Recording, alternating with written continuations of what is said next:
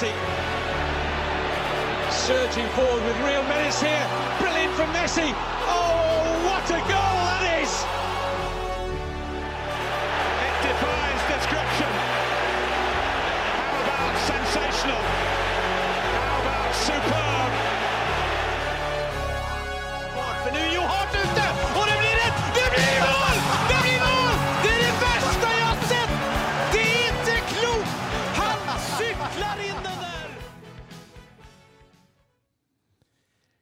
Ja da! God kveld i alle tusener av hjem, og velkommen til episode 197 av den utømmelige fotballpodkasten 90 minutter.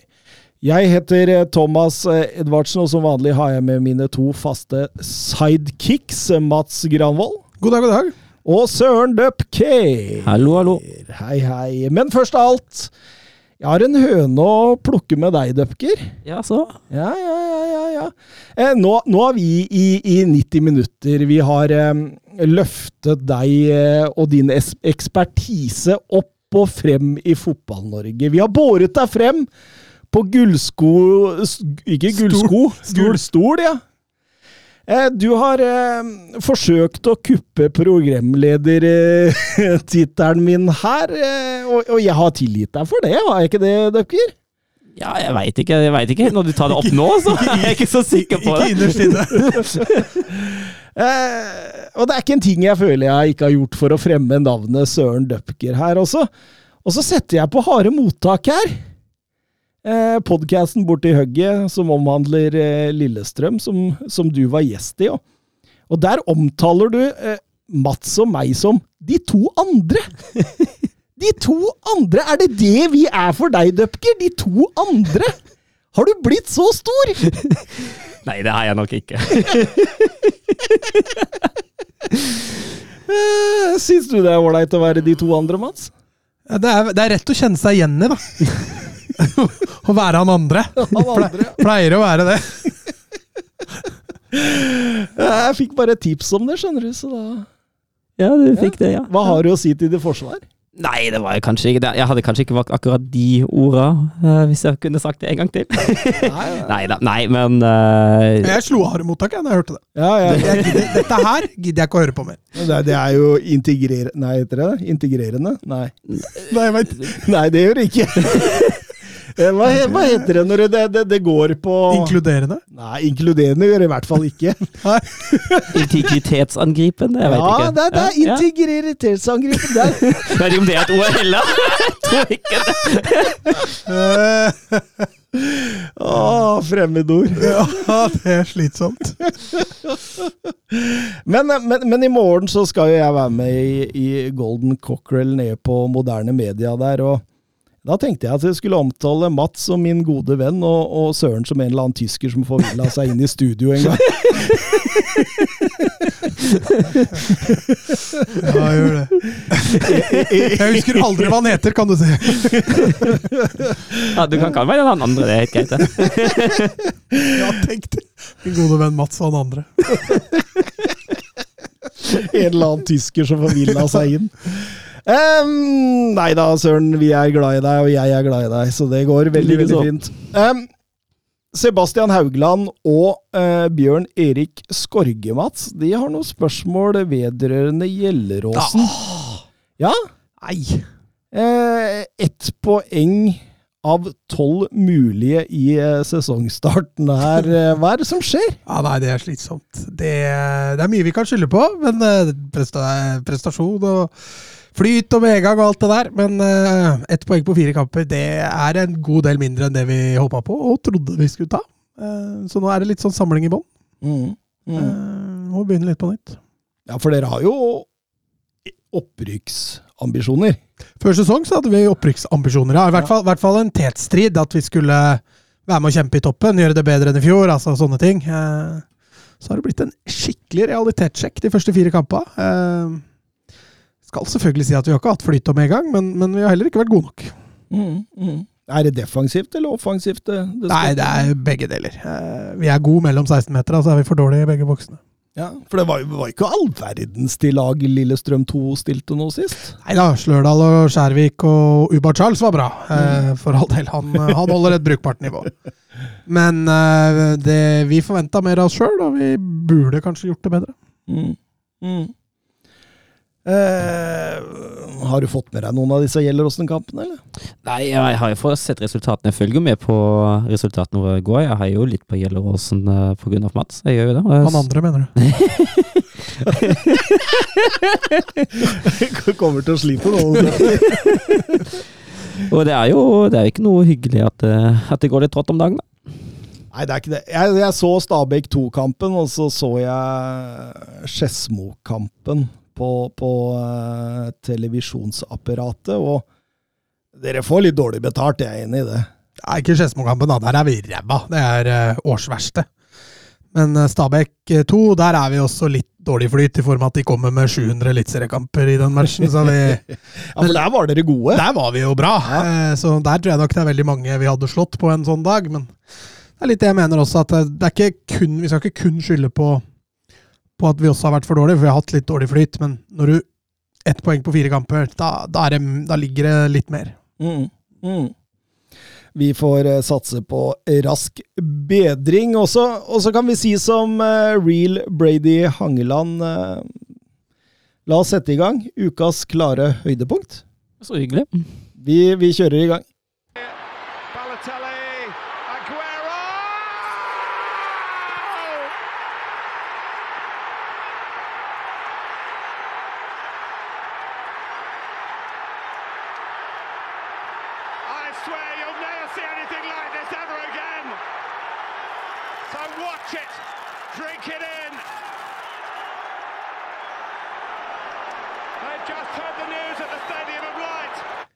Og det første jeg tenker vi skal snakke om, eh, det er Brighton og Roberto Di Serbi. De vant eh, 6-0 mot eh, Wolverhampton på lørdag. De har vel Manchester United, så vidt jeg veit, i, i morgen kveld. Og, og, og de vinner 6-0 til tross for at de hviler spillere som Mitoma, McAllister, Caicedo mot et Loppetegi-lag. Er med en XG på nærmere 3,5. eh, Hva er det de Serbi gjør som er så fantastisk, Mats?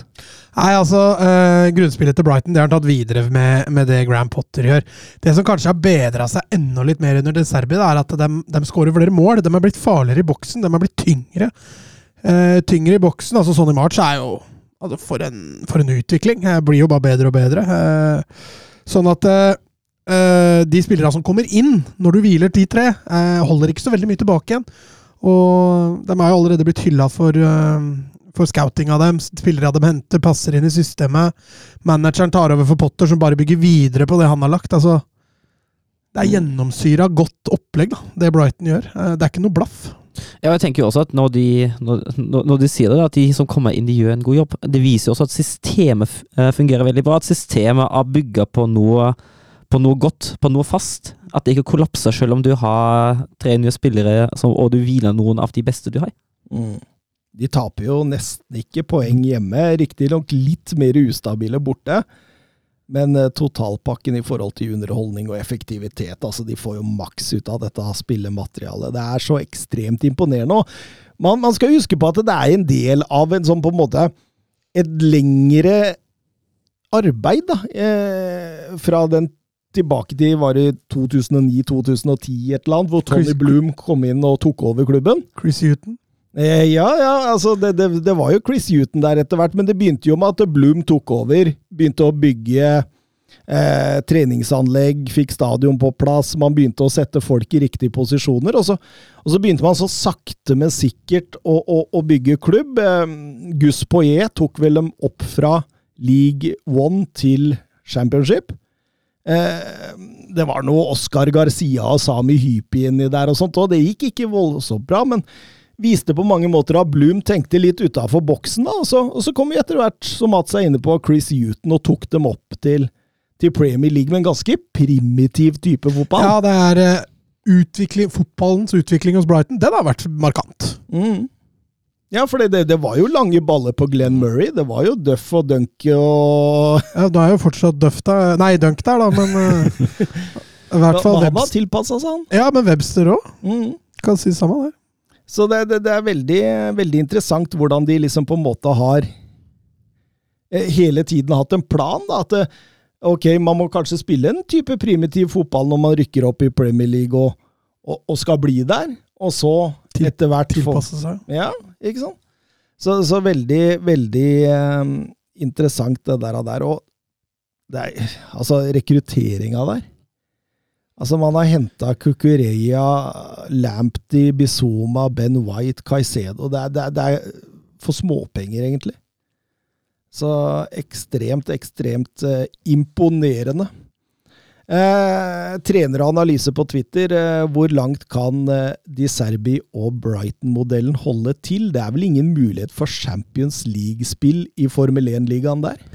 Det kan jeg egentlig ikke se for meg. Uh, altså, hvis alt går optimalt, uh, og man har litt sånn en sesong der alt går som det skal, uh, og det er noen av de store som faller litt utafor, så er det jo kanskje mulig å nærme seg litt topp seks, hvis alt virkelig går på skinner. Men er det denne sesongen han mener, eller er det sånn generelt? Nei, Jeg tror han det tenker mer generelt. Ja. Ja, for, for, for, Topp fire denne sesongen, det blir jo veldig vanskelig. Men en femteplass for Brighton Ja. i år, det er veldig Ja, sannsynlig. Og det er det, det jeg mener, at jeg mener at denne sesongen nå er litt sånn det maksimale, egentlig. Jeg tror ikke det går lenger opp. Jeg tror ikke det. Jeg kan ikke se for meg er nå. Hmm? Jeg, jeg, jeg, tror- jeg tror det. Uh, altså, og så er det neste altså, Spillere som, som de har, da, som presterer nå. Det kommer større klubber som kommer til å, til å kjøpe dem ut. Uh, de må på en måte begynne fra scratch.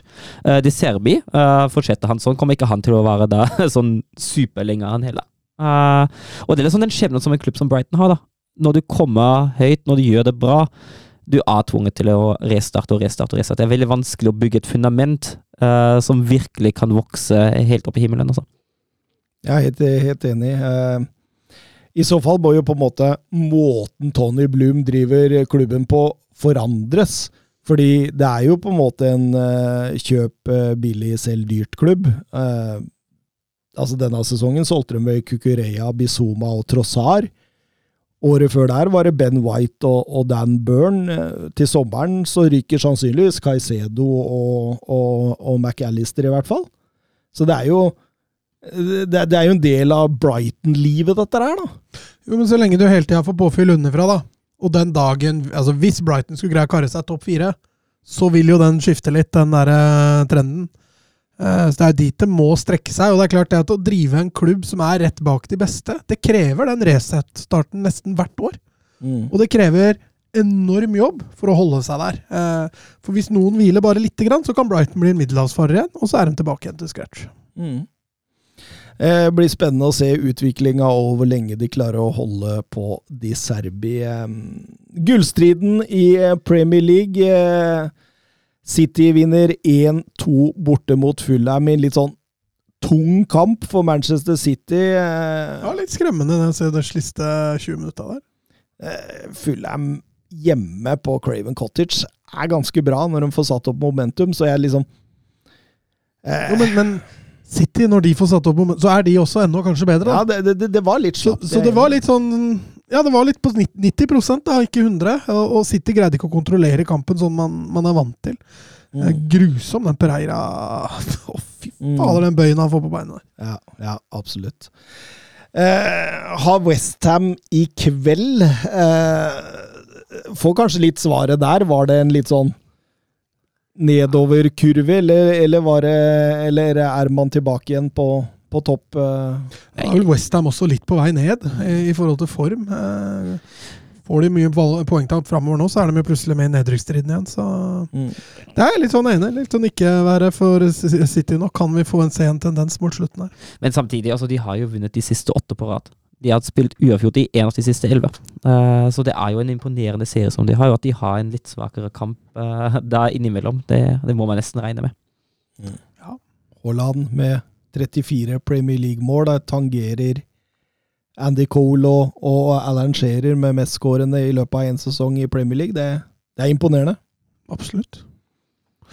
Ett mål til, og så har han Premier League-rekorden for seg sjøl. Den kommer vel sannsynligvis ikke heller, regner jeg med. Kan fort skje. Eh, ser egentlig kun to potensielle poengtap for, eh, for Manchester City, og det er Brighton borte og Brentford borte.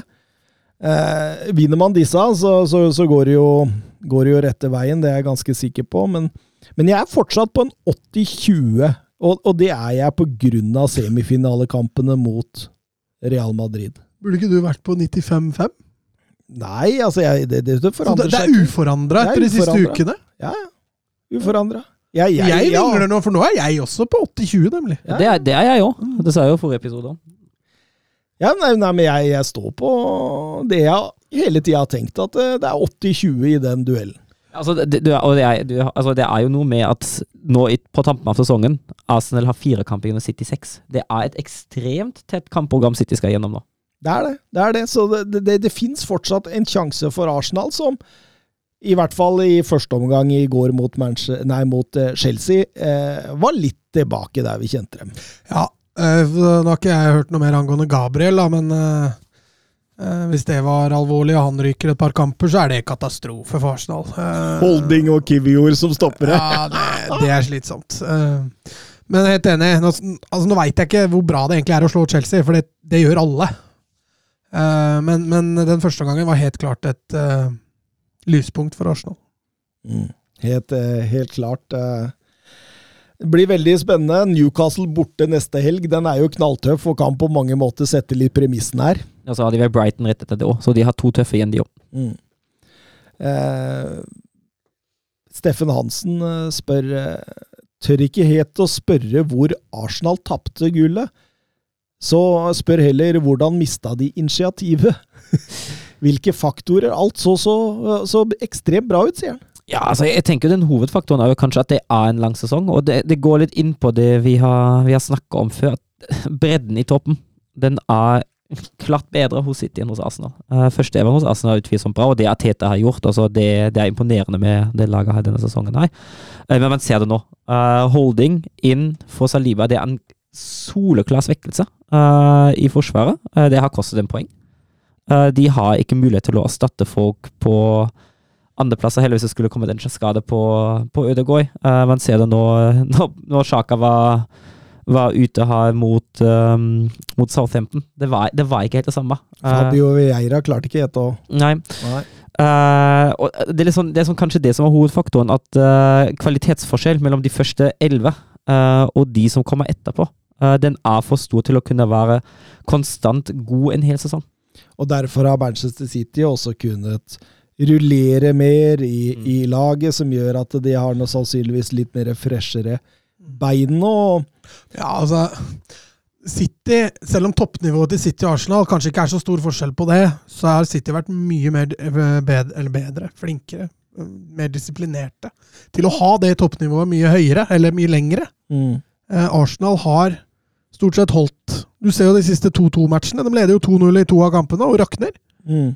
Uh, så syns City har gjennomført litt mer profesjonell avslutning på sesongen enn det Arsenal har gjort. Men, men, kan det være eh, litt sånn mangelen på ledertyper i, i laget? Liksom rutina, det å, å, å, være i situasjonen fra tidligere? Kan, ja, men det kan være flere ting. Altså, en ting som du sier, at du har flere ledere i laget. Det kan være, som dere påpekte, at de, de er litt dårlig trent. At det har vært for stor påkjenning på de 13-14 som har spilt mest. da. Mm. Uh, men det betyr jo også da, at, at City har litt flere strenger å spille på. Så de, de Arsenal føler man liksom har kanskje to, maks tre måter å vinne en kamp på. da. Mm. City føler man har sju. Ja, ikke sant? Eh, sånn at eh, City har litt flere strenger å dra i når det går dårlig. Og ikke minst for, eh, andre kvaliteter som de besitter. Da. Eh, og det har vært en down for Arsenal. Men, men dette er en kjempeopptur for Arsenal uansett hvordan denne sesongen ender. Den blir jo antakeligvis dårligst nummer to uansett. Mm. Eh, og dette må det jo bare bygges videre på. Få inn en breiere stall, utvik flere unggutter. Ja, får vi se. Arteta får jo bare fortsette å trylle. Ja, absolutt, og ikke minst Edu, som står bak mange av disse overgangene, som har gitt uh, god avkastning. Uh, fotballmann på Twitter spør uh, på plass å snakke om hvor spinnvill Martin Ødegaard er. her har man en mann som er den beste defensive spilleren med tanke på ballvinninger i press i Premier League. Samtidig eh, så er han bare ett mål unna målrekorden som eh, midtbane i Premier League til Fabregas med 15 mål. Eh, pleier å være litt enten-eller. Han eh, hyller komplette Ødegård her, Mats. Ja, men Ødegård òg har jo lidd litt under Arsenals svake form. Eh, så Hvis det er en ting man skal trekke fram som, en, som et savn hos Ødegaard, er jo den der å dra opp laget når det går dårlig, for sånn som er en kaptein. da.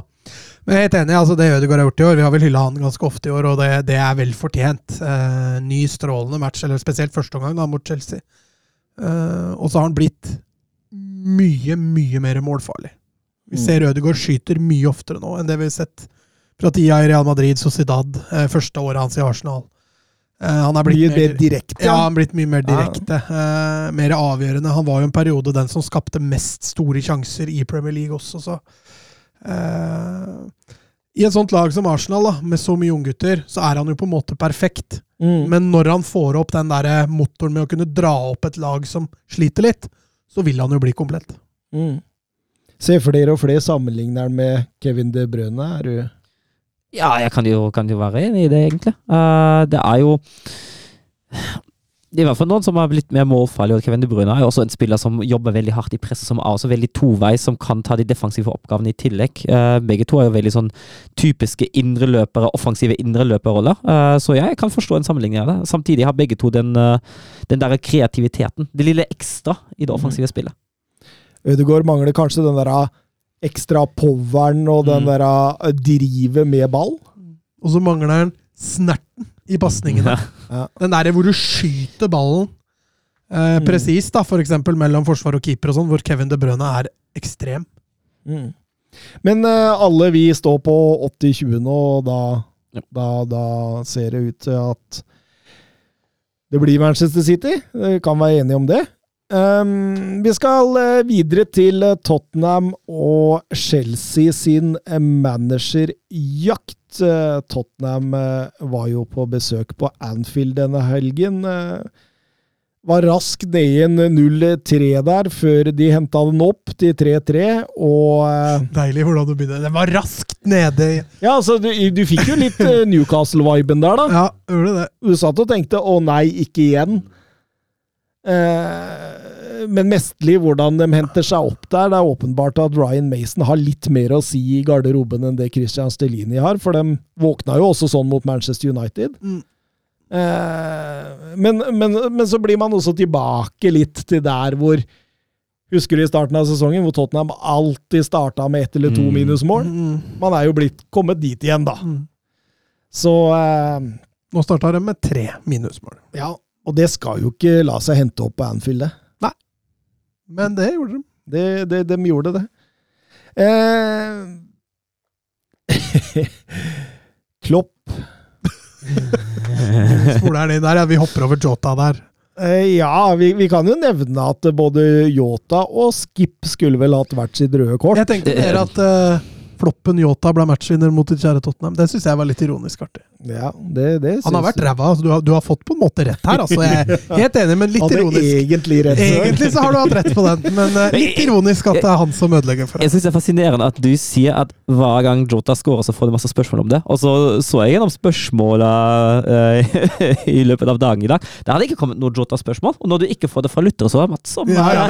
Vi, må, Som vi, må passe, vi må passe på at han får det. Han hater meg. Ja. Det, er, det, er, det er etter lang eh, Spotify-kamp nå at han, eh, han sitter og tar igjen her nå. Men, eh, men Eivind Stølen spør jo hva strekkskaden Klopp pådro seg fortjent. Ja, altså det er, jo, det er jo litt sånn instant karma, føler jeg. Han får jo det når han, når han går og Det er så Når han går tilbake igjen og tar seg til låret der. Åh, det er så humor, altså. Men, men jeg syns vi snakker Klopp-oppførsel to-tre ganger i året. Det gjør vi jo. Og det er jo fascinerende. Altså, jeg tenker, vet du hva. Eh, Nå har jo jeg stått på tribunen på en eh, 4-3 overtidsseier sjøl. det siste som kom i tankene mine, var å å gjøre et eller annet i retning uh, motstanders supportere eller dommer eller det er jo bare rein og skjær glede som skal ut. Og jeg tenker at når du vinner den kampen av 4-3 på overtid, Uh, og det ikke bare er rein og skjær glede som skal ut Altså, det er et eller annet som er feil, da. Det er, det er, jeg tror ikke Klopp er så glad i Tierney. Er han glad i dommere generelt? Nei, det, det er et eller annet der, men eh, nå ser det ut som FA skal undersøke saken, og det blir trolig straff på Klopp. Det har jo alltid vært litt sånn i supportermiljøet har jeg sett at Klopp slipper unna alt pga. entusiasme, mens alle andre får, får straff. Nå ser det ut som han kan få en straff, han òg. Han har vel også uttalt at det ikke var helt ålreit av ham, mener jeg å ha lest. Så. Var litt mer ydmyk i, Ja. i intervjusonen etter, etter kampen der. Den strekken var nok vond. Men eh, Tottenham da, de driver fortsatt eh, og jakter eh, manager. Eh, Til sammen 14 managere på 22 år under Daniel Levi. Det, det er på tide å treffe nå. Man har jo egentlig bare truffet én gang, og det var Maurizio Pochettino. Ja, du kan si at Harry Redknapp Ja. var et slags treff, det òg. Du Ja. kan det. Men Eh, nå har de sagt at de skal bruke tid, de skal evaluere, man skal ikke ta forhasta konklusjoner, og det gjør meg litt trygg. Ja, fordi altså, Vi har jo vært inne på det før. før eller du har vært inne på det før. Uh, nå er det jo litt sånn, nå må Tottenham som klubb finne ut hvilken fotball skal vi egentlig stå for. Hvor vil vi? Uh, hva, hvordan skal dette her bygges? Altså, det kommer jo an på hva konklusjonen blir her, da. Mm. Hvis det er Sam Allardyce, så er jo ikke det veldig betryggende. Det er du enig i? Har gått i Leeds, han. Ja, jeg veit. Men det er bare ut, ut sommeren, så Det er fire kamper. han er ledig igjen etter det. Han hadde tatt Tottenham, han. Lett. Men eh, Nagelsmann er favoritt, også oss de fleste bookmakere. Winston Company og Louis Enrique blir hyppig nevnt. Arne Slott i Feinor, Brendan Rogers, ja, til og med Porcetino. Men i dag dukka det opp et nytt navn. Kjetil Knutsen? Nei. Geir Bakke? Shabi Alonso. Ja, det er spennende. Mm, hva tenker du om det, Mats? Nei, altså, han er jo en Han eh, er jo en veldig talentfull manager. Eh, starta jo managerkarrieren på B-laget til Sociedad før han starta veldig kronglete i Leverkosen, men måten han har reist seg på der, er jo formidabel. Eh, så han, han har nok en lys trenerkarriere, og med tanke på spilletypen han var, da, fotballsmart nesten og sånn, så, så hvis lederegenskapene er der, så er det klart at dette kan være veldig spennende. Og det, det virker som om de er. Uh, han, eh, han hylles jo blant annet for hvordan han håndterer spillene sine. Eh, han, eh, det var en episode med Mitchell Bakka uh, som kom for seint til at han forsov seg, og så blir han eh, blir suspendert, blir ikke tatt med i troppen til en kamp, eh, og så etter det har han blomstra skikkelig. Eh, Og flere spillere har, har, sagt, har sagt at ja, han vet hvordan han må, han må ta oss, eh, og hvordan han skal håndtere det, og, og alt det der. Så det virker som at han har full aksept i gruppa. Eh, og han er jo også veldig spennende taktisk, syns jeg. Eh, Det er jo en manager som eh, jeg føler varierer veldig mye. I Leverkosen var det viktigst å få det defensive på plass, og det har han jo så til de grader gjort. Jeg syns Leverkosen ser ut som et helt annet lag defensivt etter at, eh, etter at han kom inn. Eh, Og så har han jo litt flere strenger å spille på. Uh, han liker jo egentlig sjøl å ha ballen mye. Er en possession-trener, bruker posisjonsspill, finner muligheter, får ballen inn i de sentrale områdene, i tierrollen, gi tieren mulighetene og bygge ut angripene via det. Uh, med Florian Wirtz er han jo egentlig den perfekte spilleren i uh, Leverkosen for den rollen der. Um, men han er ikke fremmed for direktespill heller. Uh, han kan fint bruke farten han har i Diaby og, og Frim, Frimpong, eh, og satse på overganger. Han kan ligge lavt i blokka når det trengs. Han, uh, han liker egentlig mest å presse høyt. Eh, det er ikke noe problem for ham å gå i høy gjenvinningsspill heller. Så det, jeg føler at det er en trener som er veldig variert, som finner som regel gode oppskrifter.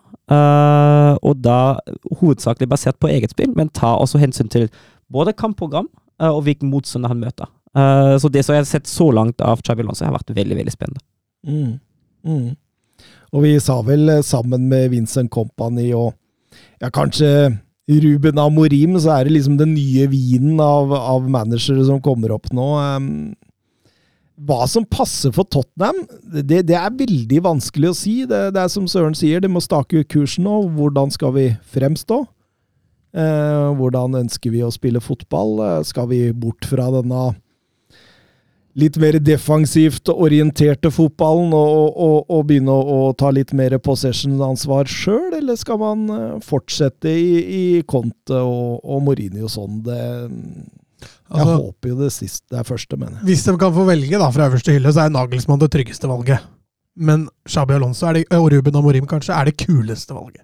Ja, og Vincent Company, syns Ja, jeg. Kompani. Begynner, begynner å seile opp for meg som et sånt uh, veldig spennende spennende valg. Um, Petter Martin Støvland.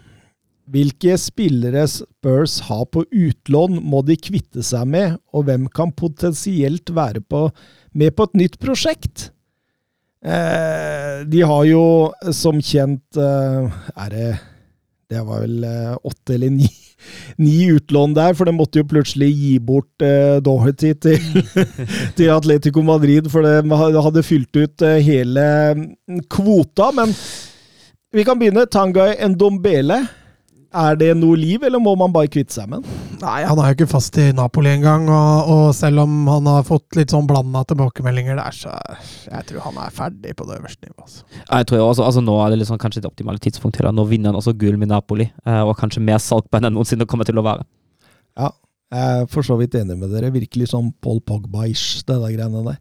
Eh, Jed Spence har eh, Han er ganske ung, han er ikke det? ja, 22. bare et par og 20.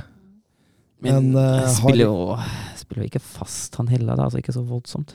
Nei, han har, han, det har gått nedenom og hjem, egentlig, Mm. det utlånet til renn. Så om han er god nok for en klubb med Champions League-ambisjoner, eh, trolig ikke. Jeg tror jeg ville solgt. Giovanni Lo Celso. Der er jo en jeg tenker kan komme til å kunne bruke. Mm. I hvert fall som toppspiller, ja. Ja, ja. Få han inn der. eh, Jeg, jeg tenker jo at vi kunne hatt bruk for den denne sesongen, sånn som den har utvikla seg. Eh, Destiny Uduchi, han er jo Ja. Han er jo klink. Han ja han, må man jo, han, bare skal, han skal jo inn. mm. Brian Gill. Og det, det, han er jo også spennende, da. Uh, og da tenker jeg også altså, Jeg, jeg føler han er La Liga-spiller, ass! ja, Nei, jeg tror ikke han slår gjennom i Tottenham. Ikke, ikke med den konkurransen han har, og ikke spillestilen hans, eh, eller fysikken hans, kanskje først og fremst. Passer ikke helt. Så han, han, for hans egen del så bør han bytte. Tottenham kan jo fint ha råd til å ha han som troppfyll eller en breddespiller. Harry Winks blir nok neppe med Sampdoria ned, eh, selv om han eh, Selv om han har vært ganske bra i Sampdoria, så må han selges. Sergio Regulon skader har ødelagt oppholdet i Atletico Madrid nå. Det kan det- jo være en vei tilbake. ja, ja jo, men da òg. Altså, man har jo Nå, nå som Odoji kommer inn, da. De krangler jo sikkert om den samme plassen. Ja, og der har man Cezinio Ja. og eh, Perisic, eh, som fortsatt skal være der et år. Det er mye. Mm. Mm. Og Joe Roden, han, han syns jeg bare er selv.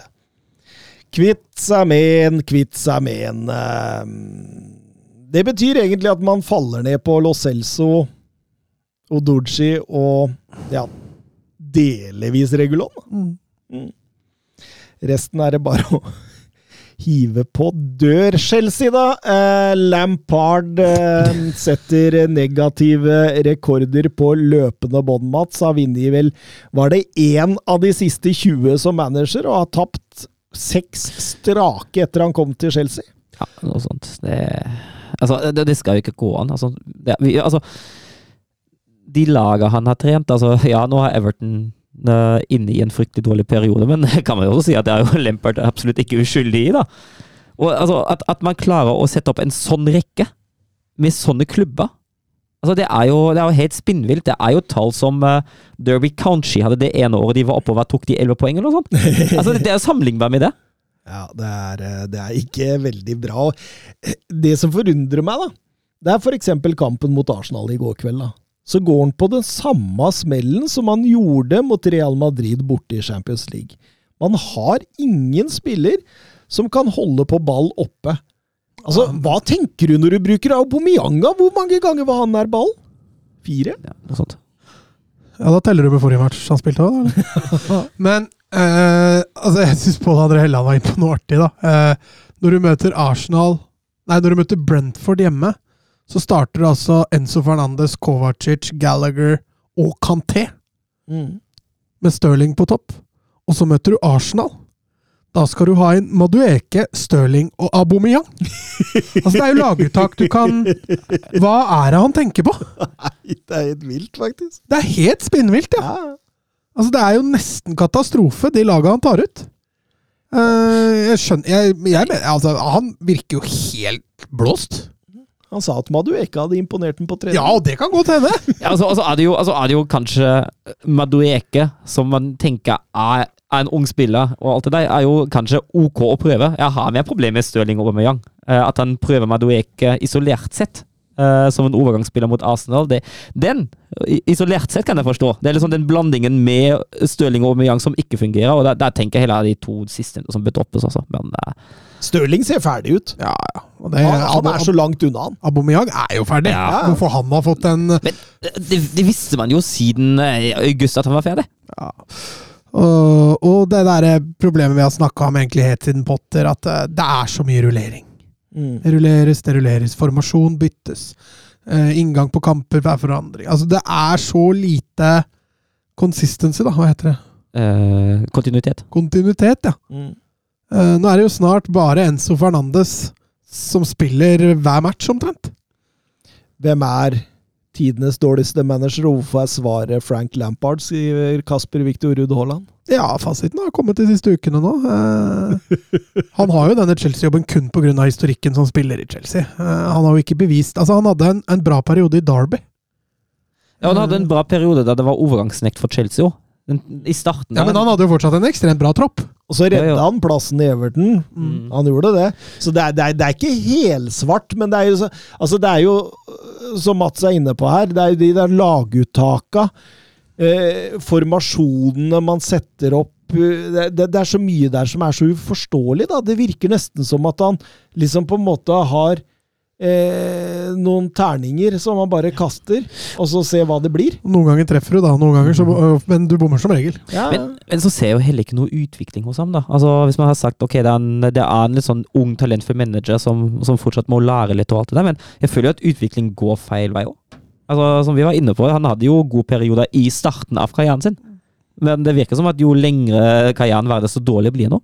Mm. Og jeg ser ikke, altså Vi snakket veldig mye da han var i Chelsea første gang, mener jeg, på- og det def, om det defensive spillet. Det har jo ikke forbedret seg i det hele tatt. Nå er man i tillegg også helt blotta for offensiv gjennomslagskraft. Altså Det, det går jo bare én vei, det her. skjønner egentlig ikke denne ansettelsen. Jeg, hva ville Todd Boiley oppnå med dette? Jeg, og, og hvorfor tok Lampard den på den tidspunktet der? Han styrker jo ikke aksjene sine, på en måte. og det eh, Alt har bare blitt feil. Eh, Jeg, jeg tror Jeg tror da at eh, klubben eh, er for stor. Eh, At de har for mange gode spillere til at Lampard føler han kan sette opp to blokker, sånn som han gjorde i Everton når han skulle redde plassen. Eh, her er det så mye offensiv kvalitet at vi, vi, vi må bruke det. Det forventes mer. Eh, Men sam, samtidig, da, altså når du spiller borte mot Arsenal, som er et av de to beste lagene i Premier League denne sesongen, da, det er jo ingen enklere kamp for ham i anførselstegn enn den, kanskje mot City, kan Til å- sette opp til til å sette opp to blokker. Mm. Det er jo det, da. Altså, denne kampen hadde jo sikkert 98% av alle Chelsea-supportere forstått hvorfor han valgte det. 5-3-2 med, med, med Han har jo 72 vinger, da! Skal, skal du spille uten vinger? Han bruker de jo som spiss òg, er ikke noe problem for ham. det. Nei. Nei, men de bruker dem jo om hverandre, det er helt riktig, det. Men Nei, det er jo litt funny. Det er som Tottenham kjøper wingbacker og går om til 4-4-2, liksom. mm. Du kjøper Chelsea Eller Han PSG, da, som kjøper to høyre wingbacker og bruker dem på venstre. Det er, Ja, stemmer det! Det var det, det! Um, men, men Todd Boiley, hadde jeg vært Chelsea-supporter, så hadde jeg slitt med å stole på han. Altså, ikke, ikke i forhold til at jeg, jeg tror han øh, vil Chelsea vel, for det, det tror jeg virkelig han vil. Men det, altså, det er et eller annet med kunnskapen her. Der har han det som skal til for å være øverste leder og eier i en stor Premier League-klubb? Fordi, altså eh, jeg, jeg, i, altså, og, og, og du kan jo være eier og, og, og ikke ha peil i det hele tatt, men da må du ansette riktige folk i riktige posisjoner, da. Og, typ Rexham. ja, typ Rexham, ja. Eh, så nei, jeg, jeg, jeg sliter litt med det, men Porcetino ser jo ut til å være den som er valgt, eh, kommer til sommeren. Eh, men det kan jo godt hende at dette Er det bestemt at Pochettino er det? Nei, det er ikke bestemt. Altså, Pochettino er jo en prosjektets mann. Ehm, jeg bare håper for hans del at eh, de kvitter seg med en del spillere. For det, det er det største problemet til Chelsea. De har for mange spillere som forventer spilletid. Og, og det er jo åpenbart grunnen til at det rulleres så mye som det gjør, for at folk skal få spilletid. Og man må få slanka den stallen, spisse han enda mer. Eh, så er det jo et kjempepotensial. Eh, det veit jo alle. Oscar Pepito spør tror man at Pochettino kan lure Harry Kane til Chelsea. Nei. Ikke som det ser ut nå. Definitivt ikke. Jeg har ikke kjangs, tror jeg. har ikke Ja, Det må i så fall bli neste år, da, når han er gratis. Ja, og Chelsea kanskje har kommet seg litt opp igjen. Ja, det er blitt litt sånn hat da, mellom Tottenham og Chelsea. Jeg, jeg, tror, jeg tror ikke han går til Chelsea uansett. Altså, altså det, Ah, altså Som dere er inne på, da. For det første må du lure Dani Levi hvis det skal være nå til sommeren, og det tror jeg er enda vanskeligere enn å lure Harry Kane. Eh, en annen faktor som dere også er inne på, det betente forholdet mellom klubbene. Eh, jeg tror ikke Harry Kane blir å se en annen Premier League-trøye, og jeg tror ikke i hvert fall ikke det blir en annen Premier League-trøye med tilholdssted i London. Nei, det, kan, det kan du godt ha rett i. Uh, Så du kan gå til Palace? Nei, Palace er nok utelukka. Ikke full av heller. Sannsynligvis ikke. Westham er utelukka. Det er mye rart. Såpass, ja. Nei, altså, altså er det jo noe med altså, Hvis Harry Kane går fra Tottenham, er det jo for, for å ha større sjanse til å vinne tittel. Akkurat nå er jo Chelsea langt ifra å vinne noe som helst. Mm. Og at han, at han blir med i, i sin alder nå, at han blir med altså som, som den spissen han er, uh, i det markedet som finnes, og det finnes flere klubber som trenger en verdensklassespiss enn det finnes verdensklassespisser. Uh, at, han da, at han da skulle velge Chelsea, uh, og en, et, et prosjekt som må gjenoppbygges, det, det kan jeg absolutt ikke se for meg. tiårskontrakt, og så har det sikra seg mange, mange år. Han, da. Lurt. Blir 40 år Ja. kontrakta går ut, så Sitter fem år på benken der, eh, for han er for gammel. Det kommer sikkert til å bli mye spekulasjoner i sommer, det, men jeg føler meg ganske rolig. Ja, og det virker som gjennom det nyeste intervjuet han hadde med Sky Sport også, at han det, det, det virker som, hvis du leser mellom linjene i det intervjuet, da, så er han eh, klar for å bli. og eh, Daniel Levi har jo til og med lova han en, en statue utafor stadion hvis han eh, fortsetter, så det jeg, jeg kan ikke se for meg at han Altså, én ting, én ting hadde det vært å gå til Manchester United. Det hadde vært én ting. Men å gå innad i London eh, du, Jeg tror Altså, du, du ødelegger nok en del av ryktet ditt, en del av ettermælet ditt av å gå til Manchester United. Eh, innad i, blant Tottenham-fansen og diverse sånne ting. Det gjør hun nok. Men i mye større grad til Chelsea. Da, da, da ville det blitt eh, oppstandelse, så det, jeg tror er jeg tror ikke han er interessert i det. Han vil ikke kaste det bort, på en måte. Um, Ole Haaland han er mest opptatt av United-oppkjøpet. Lykkes uh, Ainios her, eller blir det Qatar, eller spiller Glazer et spill?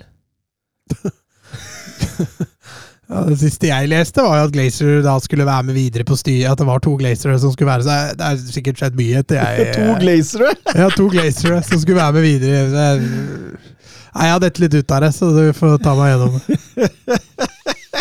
To Glazere som skulle være Ja, var det ikke det? Jeg leste det at det var uh, Hvis han Ratcliffe skulle ta over, så var det to Glazere som skulle Ja, være med videre. Du, du er nok inne på noe der, for Ratcliffe han kommer bare til å ta over halvparten av aksjene. Ja. Så det betyr at The Glazers må sannsynligvis sitte igjen Mm, i klubben. Det er jo selvfølgelig Manchester United-supporterne veldig imot. mm. Så de demonstrerte rundt dette før eh, 1-0-seieren mot eh, Villa Paul Trafford i helga. Eh, det andre alternativet er jo Qatar-sjeiken Yasim bin Hamad Al-Thani, eh, som skal være interessert i full kontroll av klubben, altså 100% av aksjene. Han har lagt inn et bud på 5 millioner, nei 5 milliarder pund. Da hadde 90 minutter hatt råd til å kjøpe United. oi, oi, oi, Mats! Har du, har du lønnsøkning på jobben? Jeg har vært to dager i HV, så det er jævlig lønnsomt. Men eh, fem milliarder pund, og, og, og, og hvis det hadde blitt akseptert, så hadde det vært den dyreste Altså idretts, idrettslig overgangen noensinne. Så det er, det er såpass mye penger det er snakk om her. Men, men eh, Ratcliffes i bud skal være høyere i forhold til prosent andel aksjer. Mm. Eh, og så er det mye info her. Eh, man kan ikke sluke alt rått. Eh, og det, det, alle vi mener noe, og sånn vil det alltid være når en av verdens største klubber står ved et veiskille som dette. altså, Vil Glazer selge? Vil de selge hele? altså, det, det, det, det, er veldig vanskelig å vite, men akkurat nå så ser det ut som Ratcliffe er i førersetet, i hvert fall. Og det får man håpe også, syns jeg, for Manchester United-supporterne. selv om det var demonstrasjoner imot det også. Var det? Så det, det, det blir veldig spennende å se, men, men, men hvis du drar dette litt lenger Tenk hvis dette varer utover sommeren nå. Ja, da har de jo et problem på overgangsmarkedet. Ja. Definitivt. Eh, de, nok, de bør nok håpe at dette har blitt avklart før sesongen er slutt. Det, det tenker jeg også, for hvordan skal man finansiere nye kjøp? Altså, hvordan skal Ten Hag kunne planlegge for ny sesong hvis man ikke engang veit hvem som eier? Jeg hørte dette Qatar-konsortiumet med denne Altani. De, de hadde tre hovedmål. Det var Kylian Mbappe. Eh, det var eh, Kingsley Coman. Og en eller annen midtbanespiller. Jeg husker ikke helt hvem det var. Jude Bellingham. Nei, det var det ikke. Jeg husker, jeg husker ikke hvem det var. Eh, så det er åpenbart at de, de selger jo seg inn som om de skulle være en eller annen på presidentvalget i La Liga. Ja, ja, det husker jeg. Det var tider. Ikke noe lova den ene og den andre. Det var ikke alltid det gikk helt. Nei, det var ikke det.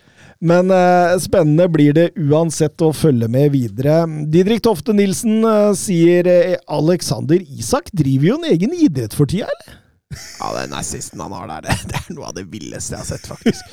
Altså, for all del, vi skal ikke vi skal ikke hause det eller Jo, vi skal for all del hause det mye opp, men det forsvarsspillet bør nevnes, for det er noe av det mest tragiske man har sett. Altså, Det Godfrey gjør der, det er, det er, så, det er så vanvittig dårlig! Men uh, det Isak gjør, altså det er så underholdning. Det er så Det er en estetisk nytelse av en kroppsbeherskelse og ballkontroll at uh, Nei, det er hyll-hyll. Han eh, snurrer godt med Southampton-forsvaret i helgen også. Det en underholdningsmaskin, denne svensken. Ja, det er han, og har jo tatt en veldig god utvikling i Newcastle også, syns jeg. Ja, etter, kommet godt unna etter skadene der, og, og det blir spennende å følge med utviklinga videre der. Han, han har jo noen steg å gå enda, men Ja da, så er han jo foreløpig fortsatt ganske skadeutsatt spilletype, så han må, må fortsatt etablere.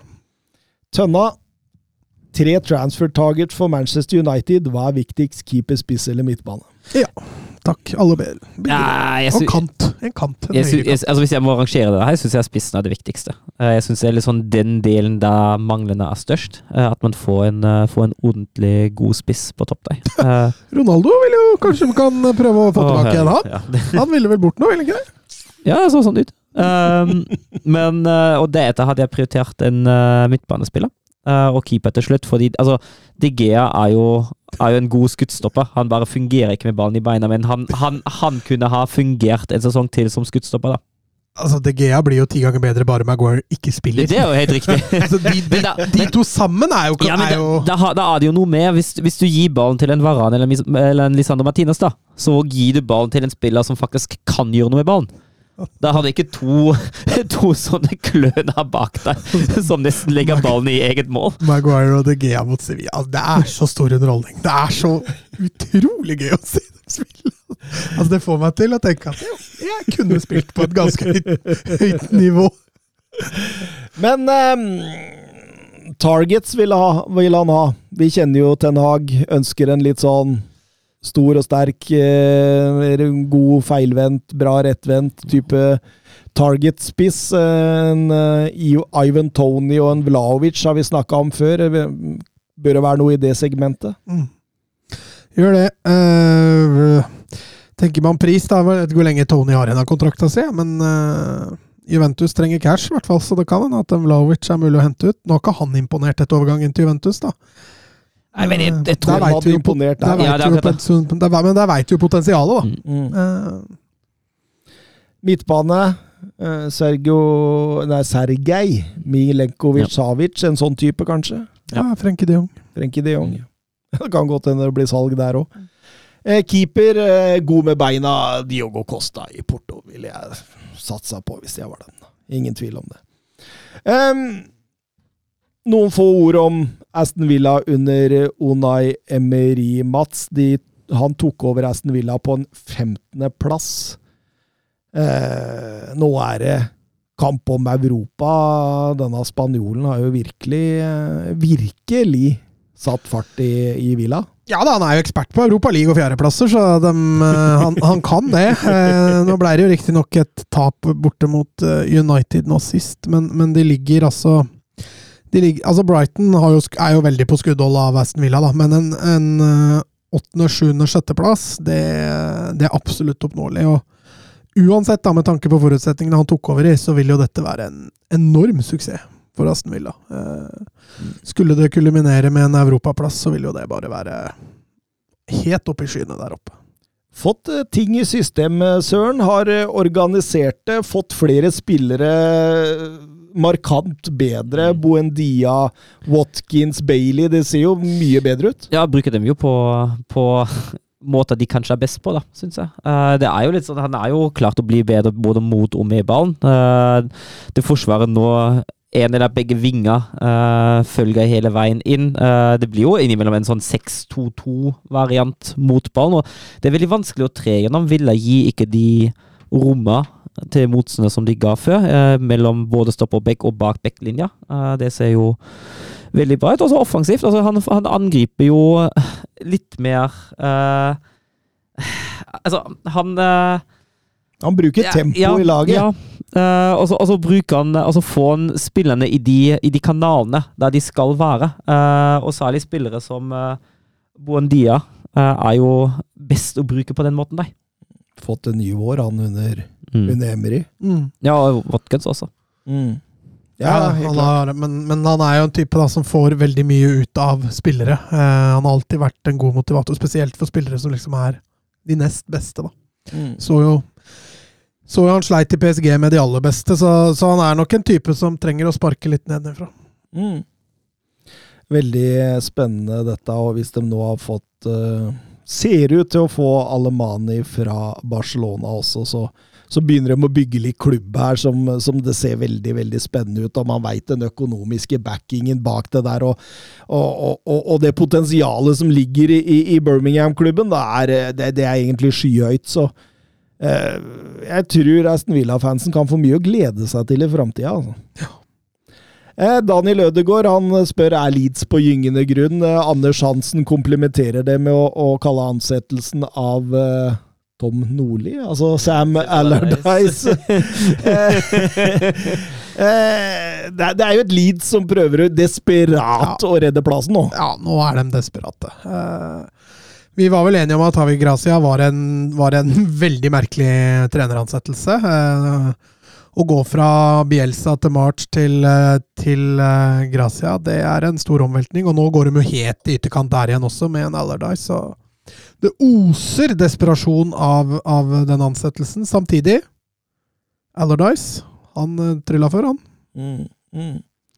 Men, men, Bjørn Erik Skorga han spør liksom fra Bielsa til, til, Mars til Gracia til Big Sam. Altså, den røde tråden der, den, altså, den blir jo bare Den er jo fraværende.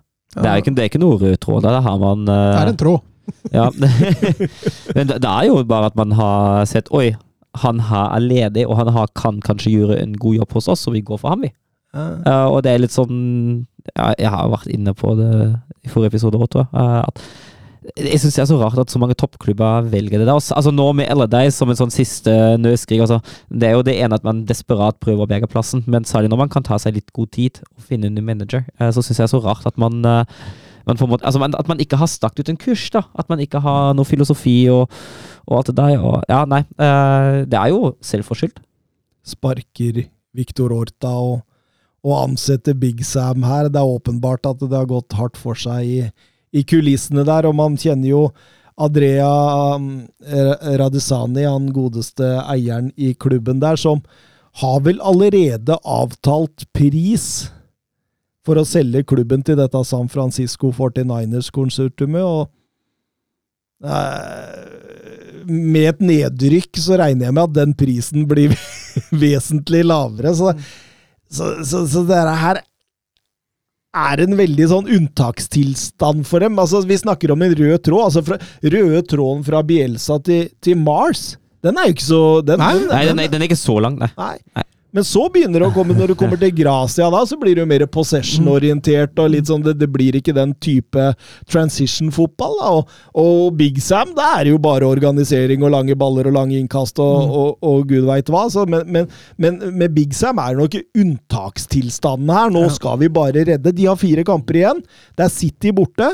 Det er Newcastle hjemme, det er Westham borte og Tottenham hjemme. Det er jo et Knalltøft. knalltøft program! Mm.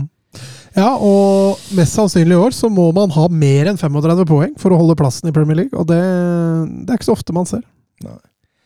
Eh, veldig, veldig spennende å se om dette, er- hvordan dette går. Og Big Sam altså, det, det er vel snart to år siden han var manager nå, så det, det er virkelig Ja, Var England forrige jobben hans? Nei. Nei, Nei, West Brom var- West Brom. Ja, For England, der, der rakk han vel ikke å trene en eneste match? Nei, det røyk før det var begynt, eh, Mats.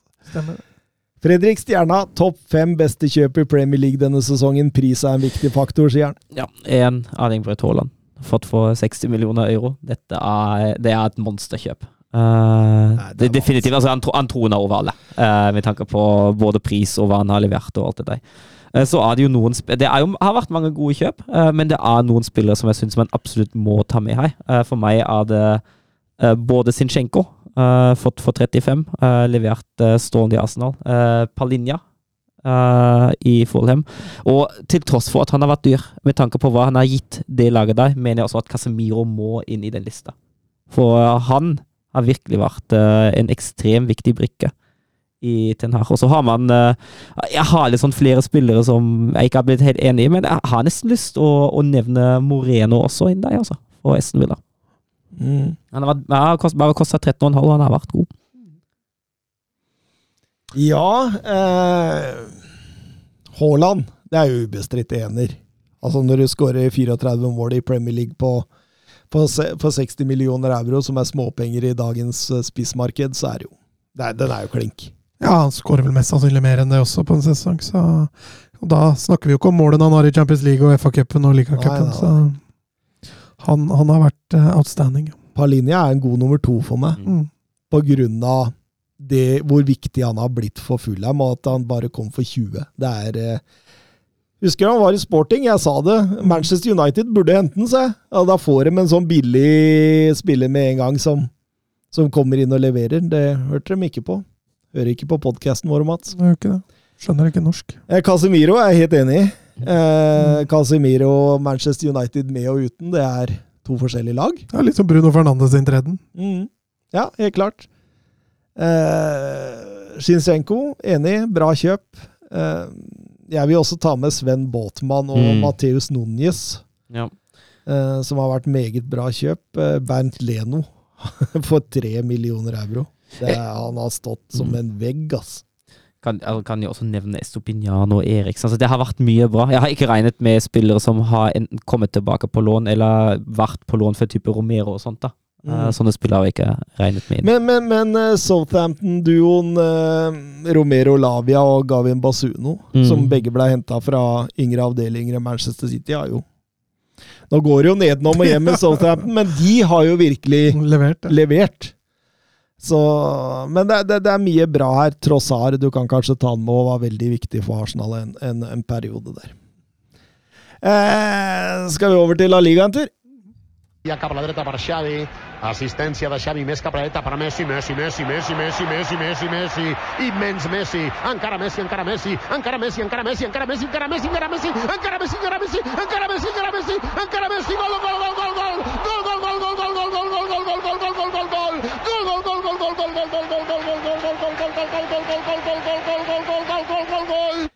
Eh, Mats, jeg tenkte Jeg har veldig lyst til å snakke Real Madrid og livet etter Benzema. Altså Nå skårer han nok et hat trick eh, i helgen som var i 4-2-seieren mot Almeria. Hans tredje hat trick bare i april.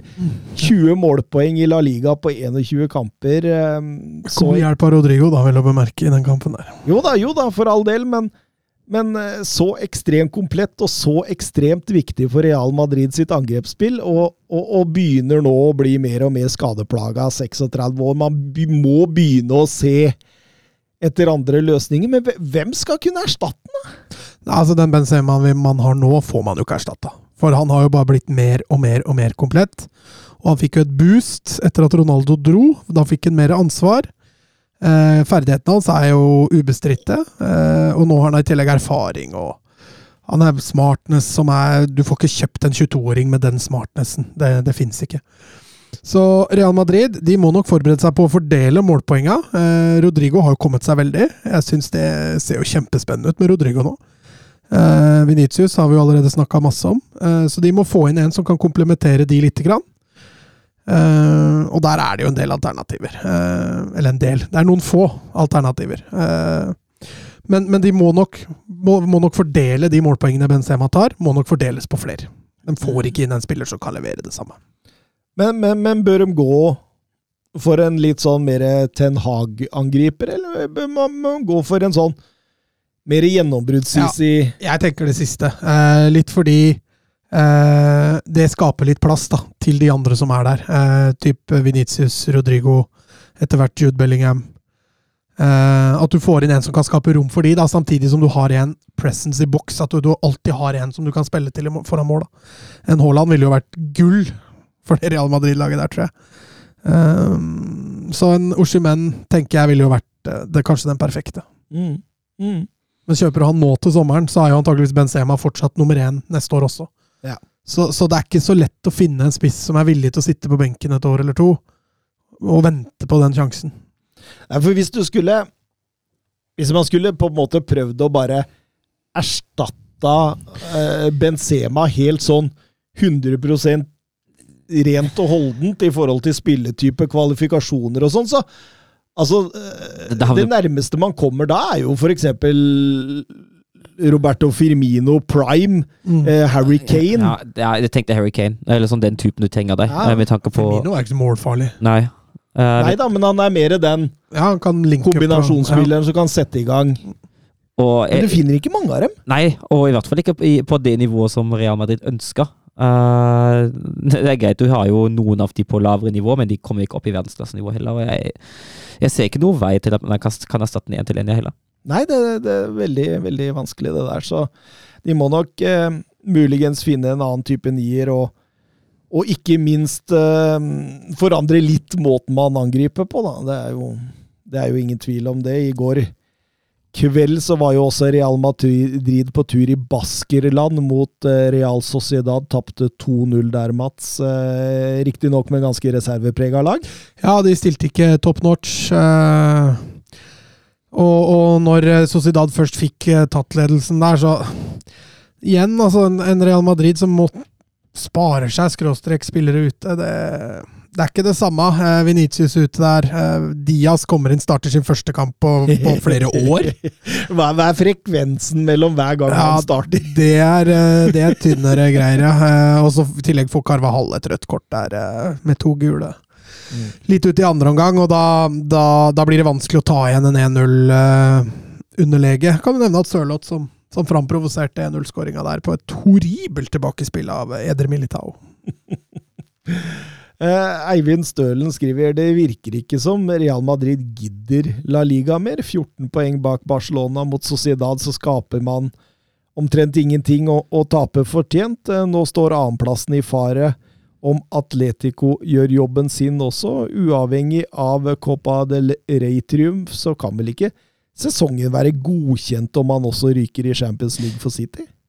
Nei, totalen her er jo selvfølgelig viktig, for, og det vil det alltid være for Real Madrid, men Champions League er, er jo den tittelen som alltid henger høyest her. Eh, Champions League for alt, alt er verdt, egentlig, og Copa del Rey kan knapt kalles en bonus, tror jeg. Jeg tror ikke den bryr seg om den cupen engang. Det er som Tottenhams Audi Cup. og La Liga blir jo selvfølgelig en sånn viktig, viktig greie der, og å havne bak Atletico, det vil smerte. 14 poeng opp til Barcelona, det må jo smerte, det òg. Det er jo altfor mye. Jo, jo, selvfølgelig, men nå, men nå er Real Madrid på et, De har allerede gitt opp det ligagullet. Det gjorde de for fire-fem runder siden. Og nå er det kun Copa del Rey-finalen, tror jeg, og Champions League. Alt annet er underlegg. Og så holde Atletico bak seg. Ja, jeg tenker at uh, mange av Real-fans velger den uh, kamelen der hvis de får Champions League. Men da er det som du sier, da. Ryker Champions League nå, som jeg tenker kanskje det gjør, så er det kjipt å havne nummer tre bak Atletico og Barcelona. Da brenner det hos eh, Angelotti, som allerede har et par fingre i, i eh,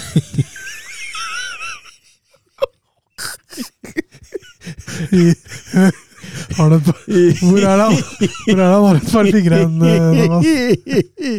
I Brasil-leiren. Jeg, jeg skjønte i det jeg sa at dette kommer til å gå gærent.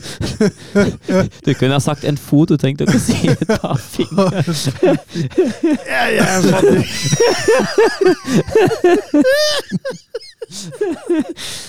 Hadde jeg sagt Venitius, så hadde Ikke rart han sto over matchen. faen. Klarte ikke å løpe! Nei, faen ikke å løpe når du er så jævla sår. Benzema står der bare se, se Venitius løper så rart i dag! Ja, det er, det er Don Carlo som har vært inne med et par fingre. Hatt noen finger med i spillet der. Men Oskar Carveio Holm han eh, skriver til oss eh, Fabrizio Romano skriver at eh, Bellingham er nær Real Madrid, og at samtalene er i avsluttende fase. Ny Galacticos-signering der, eller passer han inn? Eh, Blir det Ballon d'Or-kandidat framover? Ja, det gjør det jo. Han er jo, men det har vi snakka om før. Eh, at han vi har over før, og han går inn i hvilket som helst lag. Det er ingen tvil om, om altså, City, Bayern hadde ikke spilt noen rolle. Han hadde gått rett inn. Samme gjelder Real Madrid. Men allikevel, en posisjon hvor Real Madrid ikke er altfor sårbare. Så det å svi av, litt det vi snakka om Liverpool før, i forhold til å svi av masse på Bellingham for å ikke kunne styrke andre steder, tenker Real Madrid er litt der. Men så er det litt typisk Real Madrid, da. Få inn en Galacticos, en Bellingham. Det vil selge drakter. Men samtidig, da. Å gå fra midtbanen eh, Senior hjemme, eh, Casemiro, Gross og Modric, og erstatte de med Chouameni, Kamavinga og Bellingham i løpet av to år. Det er jo, det er jo kruttsterkt. Det, det, det er dyrt. Det er dyrt, men, men da, har, da har du en midtbane i ti år. Ja ja, for all del. Det er jo en strålende midtbane, det der. Eh, Det første tanken min som slo meg, det er at eh, ok, da blir det i hvert fall ikke et bud på Mbappe. Nei, Men det har jeg hatt feelingen på siden i sommer, at de har lagt den litt død. Så, men, men, men det blir, blir spennende å se. Bellingham vil jo passe som en hånd i hanske til det laget der i en 4-3-3. Vil jo Vil jo komme til å herje der. Syns jeg ser han ut venstre der sammen med Venitius. Å, herregud. Og Benzema foran mål. Ja. Slitsomt. Jævlig slitsomt. Det blir slitsomt neste år i så fall. Um, Men Barcelona, da. De, de Vant de- vant de med 1-0, eller? Ja, de, først, det først så vant de jo 4-0 over Betis. Ja, men det var jo ti mann. Ja. Eh, Ni, faktisk, etter hvert. Der kommer Lamin Jamal inn, eh, Mats, i det 83. minutt. eh, er vel eh, tidenes yngste Barcelona-debut i La Liga-historien. Uh, Ja, jeg leste at de brøyt reglene. I Spania så er det sånn at hvis du, altså, hvis du er under 16 eller 18 mm. om jeg passer meg litt, det husker jeg ikke. Så hvis du jobber etter klokka ti, så er det imot arbeidsmiljøloven i Spania. Barnearbeid. Ja, så brøyt loven når hun bytta inn på han, for klokka var over ti, nemlig, når han var på jobb. Så den er litt spesiell. Ja, altså det er kun Arman eh, Martinez Sagi som har vært en yngre Barcelona-debut gjennom tidene. Han var 14 år, men det er tilbake i 1922, eh, sju år før La Liga ble grunnlagt. La Liga-rekorden eh, totalt sett har jo fortsatt Luca Romero som, som eh, for tiden spiller i, i Lazio, men eh, man trengte jo bare 7-8-9 minutter for å se at denne Jamal ser ut som eh, 10 000 millioner euro. Ja da. Og han har vært skrevet om allerede veldig mye. Eh, Både internt i Barcelona har man jo visst om han i flere år, eh, men det er flere av disse Twitter-kontoene som har lagt ut mye om han de siste åra. Så man har venta litt på ham. eh, Fortsatt veldig, veldig tidlig. Men, men jeg føler det er et godt signal da, å sende både til spiller og ut at eh, her er et kjempetalent vi, vi vil satse på. Barcelona kan vel faktisk sikre gullet borte mot Spanjol, ja. Spanjol? Eller man kan tape og sikre det også, hvis, hvis Real Madrid driter seg ut mot Getafe. Så nå er det noen matchballer framover. Mm. Men eh, Fredrik Konradsen han tenker ikke på det fremtidige gullet. Han tenker på hvor bekymringsfullt det er for Barcelona med avgangen til Mathieu Alemani. Eivind Stølen lurer også fælt på dette, Mats. Ja, det er, det er ikke helt bra. Eh, for Barcelona, selvfølgelig. Bra for Villa. Eh, det har vært litt eh, Ikke kall det gnisninger, men det er åpenbart noen uenigheter her som ikke har latt seg løse. Eh, I det lange løp så er jeg ganske sikker på at dette taper Barcelona litt, eh, ganske mye på.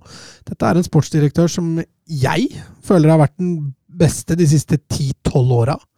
Når det kommer til spillekjøp og, og forming av tropp og stall og sånne ting. Jeg har ikke vært enig i alt han har gjort, men men han har i hvert fall starta et prosjekt der da, som, som uh, man har sett, uh, sett lys i tunnelen etter en veldig mørk periode. Og han er jo fortsatt trollmannen som greide å forhandle Umtiti ned i lønn, for så å greie å leie han ut. Altså, det var jo et, mm, det var jo et magisk utførelse der som, som veldig få hadde klart, tror jeg. Eh, så nei, det der er et, jeg er redd kan bli et eh, stort tap.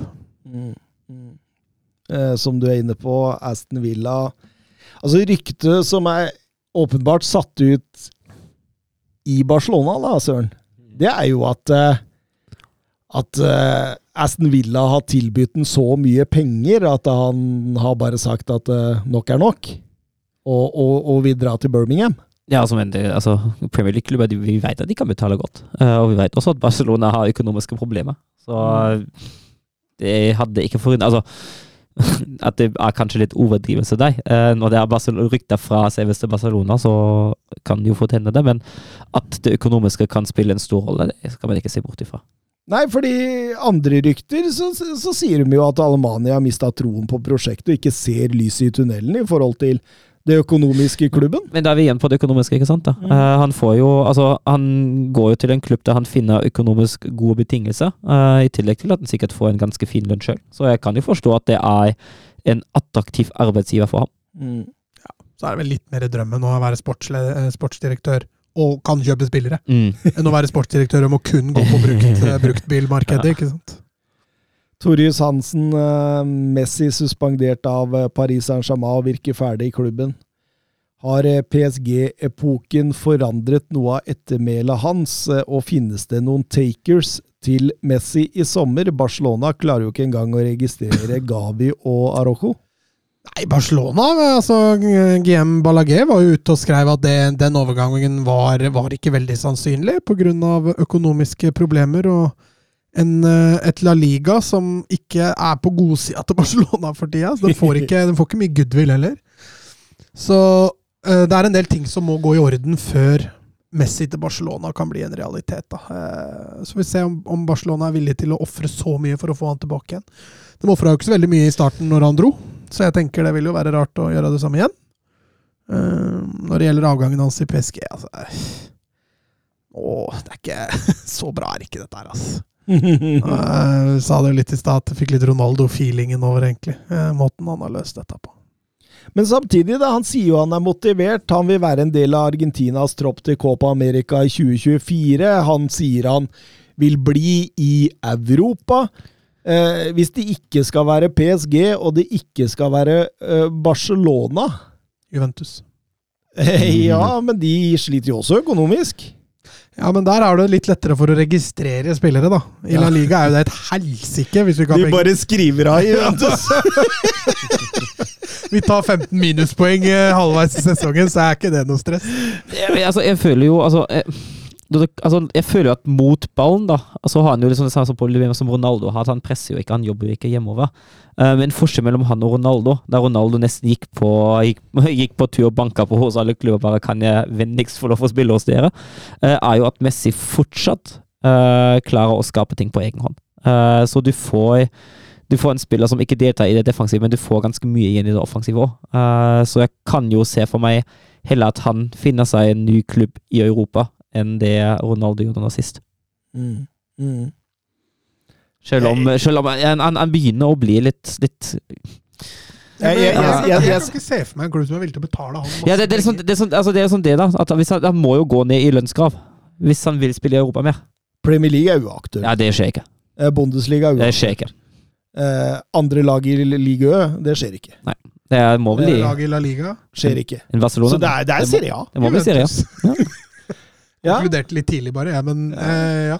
Milan Nei, Milan Jo, Milan òg. Kan jo Ja, fint finne på å ta en aldrende stjerne. Ronaldinho gikk jo dit for å avslutte sin europaturné. Ja, ja. Eh, Roma har jo henta inn eh, litt ymse. Eh, ja, da. ja da. Napoli, kanskje de har lyst til å ha et nytt eh, det hadde jo vært romantisk. Ja. Det, det ultimate romantikken, Ja. kanskje. At han tråkker på uh, Diego Mar Armando Maradona stadion neste år. Mm. Det, det hadde vært litt kult. Som Victor Oshimen erstatter, for han er Ja, for det er samme type. Hvis det Kvaratskhelia begynner å slå innlegg på Messi der, så blir Da blir det nok målfarlig. Eh, men eh, Champions League-spottene det ser jo ganske safe ut nå, da, Mats. Eh, fotballuniverset skriver det også her. eh, Endelig Champions League på Real Sociedad, sier de. Da øker vel sjansene, sjansene for at eh, Sørloth blir. Jeg tenker sånn Rent økonomisk, for å hente han ut fra, fra Leipzig, eh, så øker jo det. Samtidig som det sikkert er mer forlokkende for Sørloth å bli, hvis det er eh, Champions League. Eh, Nå har jo Sørloth vært litt inn og ut av laget i det siste. Han har ikke samme skåringsraten, men, men det han har levert i år, har jo vært bra nok til at Sociedad bør, bør vurdere det. Eh, enig. Nå er det det kommer litt an på hvordan vi areal gjør det, gjør det i dag, da, men akkurat nå, i hvert fall. Vil, vil, vil du se den etterpå, eller kan jeg si? Nei, det er 1-1, ja. Ja. ja. Jeg følger med her, skjønner ja, Det, det, det er sånn at når vi sitter og har podkast, og det er altså, full serierunde altså, F.eks. For eksempel i England spilles det kamper i dag. I, i Serie A er det nesten full serierunde. Mm. Så er det litt sånn ah, Ja, det, det, det, noen ganger da, så er det litt vanskelig å liksom sortere tankene Ja. sine på hva som Ja, ja, altså- men hvis den kampen ender 1-1, da, eh, så er det eh, Så er det sju poeng ned til Tivi Areal, og, og, og da begynner det å bli trygg, tryggere, i hvert fall. Fem kamper igjen. Sociedad har hatt en mye mer stabil vårsesong i år enn den de har hatt de siste to åra. Betis er nok hekta av, så Nei, jeg er enig. Jeg tror nok Sociedad tar det nå. Det var vel litt det vi sa tidlig i sesongen, at vi, vi hadde litt troa på dem. De har hjemmeoppgjør mot eh, Girona, Almeria og Sevilla. Det er ni poeng. Hvis de tar de, så, så, så, så bør det etter alle solemerker gå. De har borteoppgjør mot uh, Jo, Barcelona og Atletico Madrid eh, igjen også, men jo, jo, men de kan tape de tre bortekampene de har igjen. Eller unnskyld, fire bortekampene de har igjen. Og Villarreal må vinne resten for at de skal ta ned, hvis de vinner de tre hjemmekampene som du, som du nevner der. Eh, så det virker veldig sannsynlig at eh, mm. Sociedad skal ta det. Eh, Endelig, kan man si, for den må liksom alltid ligge der, og så har det fada. Ja, det mangler For Spania sin del så mangler det bare nå at Sevilla tar Europa League der, og så får de fem lag i Champions League. Det hadde jo vært uh, typ, typisk, det. Ja, absolutt. eh. Hvem Hvem, er hvem, tar andreplassen av Atletico Real? Real. Veldig lett å svare Real, men, Ja. men det Real driver med nå, det det har jeg lyst til å svare Real. Det er sånn noe med den, med den klassen som er der, tross alt. Formen til Atletico Real nå, den er, den er ganske Jeg ser eh, kampprogrammet også til Atletico ser ganske overkommelig ut, altså. ja, men Det gjør det vel for Real Madrid òg. Ja, ja, Ja, men samtidig så er det disse semifinalene. da, Ja, det er, det, det er nettopp det som gjør at det kan bikke, da. Pluss Copa del Rey-finalen. Så det er Atletico møter vel Cádiz i kveld, så det bør jo være tre poeng. Og da er det jo Atletico som ligger på, på andre. Real Madrid har vel Atletico på innbyrdes, så blir det likt, så, så er det jo de som tar, eh, tar sølvet. Nei, det er eh, 55-45 Real. Ja, men den er grei, den. Skal vi gå over til Bundesliga? Er macht ein richtig gutes Spiel. Jan Schimonek. Die Wolfsburger lassen so gut wie nichts zu. Grafit. Grafit gegen Lell. Jetzt wird's eine Demütigung. Guckt euch das an. Bist du verrückt? Bist du verrückt? Tor des Jahres. Die Bayern, der Lächerlichkeit preisgegeben. Ja em, Hva, hva betyr 'bist du verrückt'? Er du gal? Er du gal? Er gal? Å ja, Han sier det to ganger òg. ja. Er du gal, er du gal? Ja. Spesielt. Eh, Gullduell i, i Bundesliga, Søren. Ja. Eh, Det Jørgen Knutsen spør oss uh, om straffesituasjonen mellom Mm. Danilo Suárez og Karim Adeyemi. Og Ja. om Er dette Er dette altså Men det er noe av det verste jeg har sett Det- det- det er faktisk- dommere det, det er helt krise. Det er helt krise. Det er jo det er soleklart straffespark. Uh, det er jo det er, det er jo det det er. Altså det ene er jo at han må jo faktisk ta det på banen. Altså At dommeren ikke ser det, er jo, er jo egentlig ganske vilt. Uh, den er jo etter min mening soleklar, det nå. Men han står jo nære òg, dommeren. Ja. Det er jo eh, skandale. og det, det, men det andre er jo at, uh, at VAR ikke går inn deg uh, og griper inn. Uh, det er meg også helt uforståelig. Eh, skal det sies at dette er jo en, eh, dette er en dommer, uh, Stegemann. Han har, han har bomma før. Eh, han bomma faktisk den andre veien da Dortmund møtte Frankfurt. Uh, da ble han gitt straffe til eh, Frankfurt etter at Adeyemi fel- fella Lindstrøm. Der lot han Ah. også. Eh, bare så det er sagt. Det var i eh, Det var, Det var i- det var takk for sist, det altså. var i, det var i oktober. Uh, men, og han, eh, han var Robert Hartmann, han som satt, uh, satt i VAR-bussen der, han, uh, han har bommet også i flere anledninger før vi sånne straffesparkavgjørelser. Så det, det er fryktelig dyktighet, men det er klart at det, det blir jo så ufattelig bittert for Dortmund eh, når det blir, kommer i den fasen av sesongen og det blir såpass avgjørende som det blir. For eh, her blir de soleknatt snytt. Eh, de var jo også misfornøyde med to andre avgjørelser. De mente vel at det var var frispark i forveien av skåringa, og at de ville ha en henstraffe på slutten. De to syns jeg er, er greie. Men det er klart, den straffen der er en horribel avgjørelse. At ikke det blir straff, jeg skjønner det ikke. Mm, mm. Og det, det, det Det betyr jo alt, egentlig. For så med straffespark der, så hadde de eh, trolig kontrollert dette greit inn. Og så, og så avgir de to poeng, og, og, og rett eh, eller dagene etter så spiller eh, Eh, Bayern München. To dager seinere på søndag, ja. ja. Og, da, og de, de sliter jo mot Hertha, de jo. Er jo Møter en mur.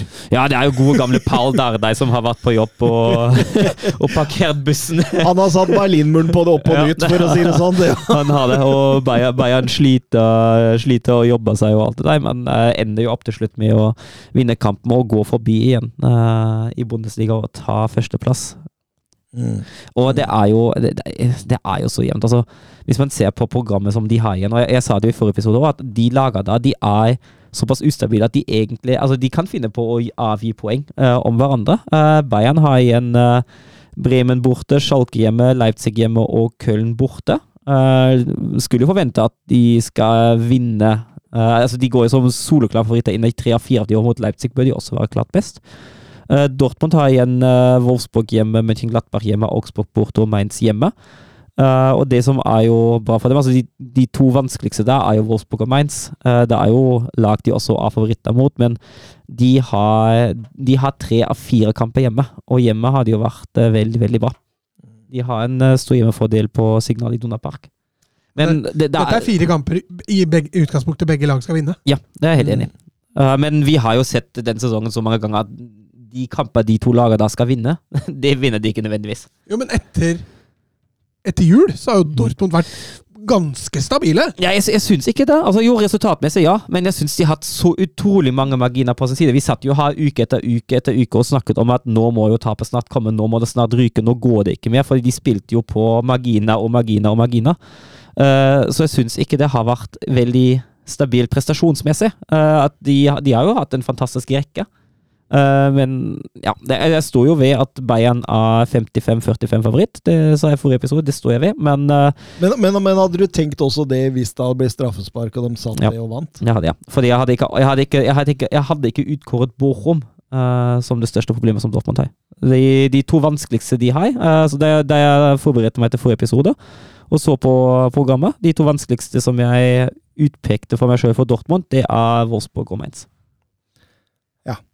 Ja, absolutt. Og så er det Leipzig for, Ja. for Bayern München. Køllen borte for Bayern, det er ikke noe problem.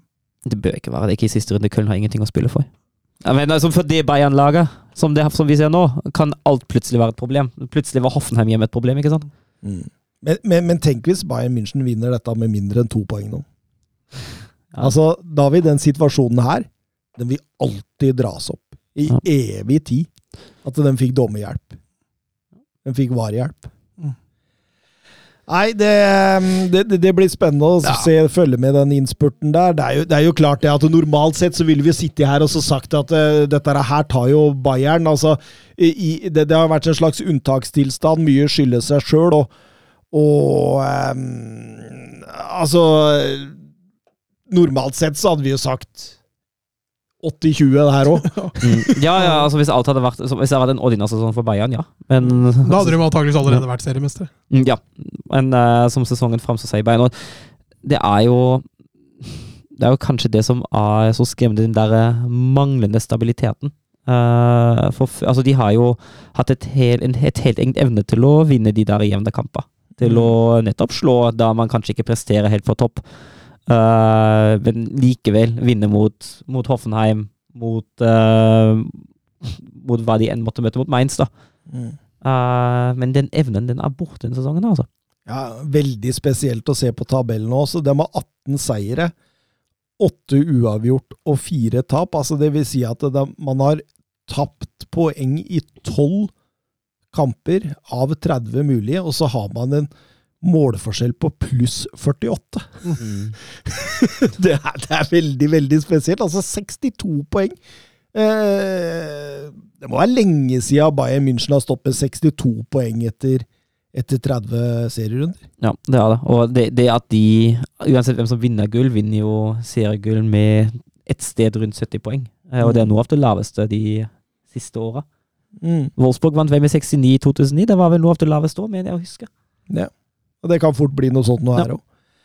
Eh, et lag som imponerer mye, vi var så vidt innom i stad, eh, Shabi Alonso. Eh, vi, vi, vi- må huske eh, at eh, Shabi Alonso tok over Leverkosen på en 17. plass. Altså, de var altså direkte nedrykk. Ja. Og nå ligger de på sjetteplass og, og kjemper om, om europaplass. Det, det er voldsomt imponerende. Fått stabilitet og en, en et eh, Ja, de er jo til og med med i Europaliga-semifinalen. Ja. Og har tatt seg dit òg.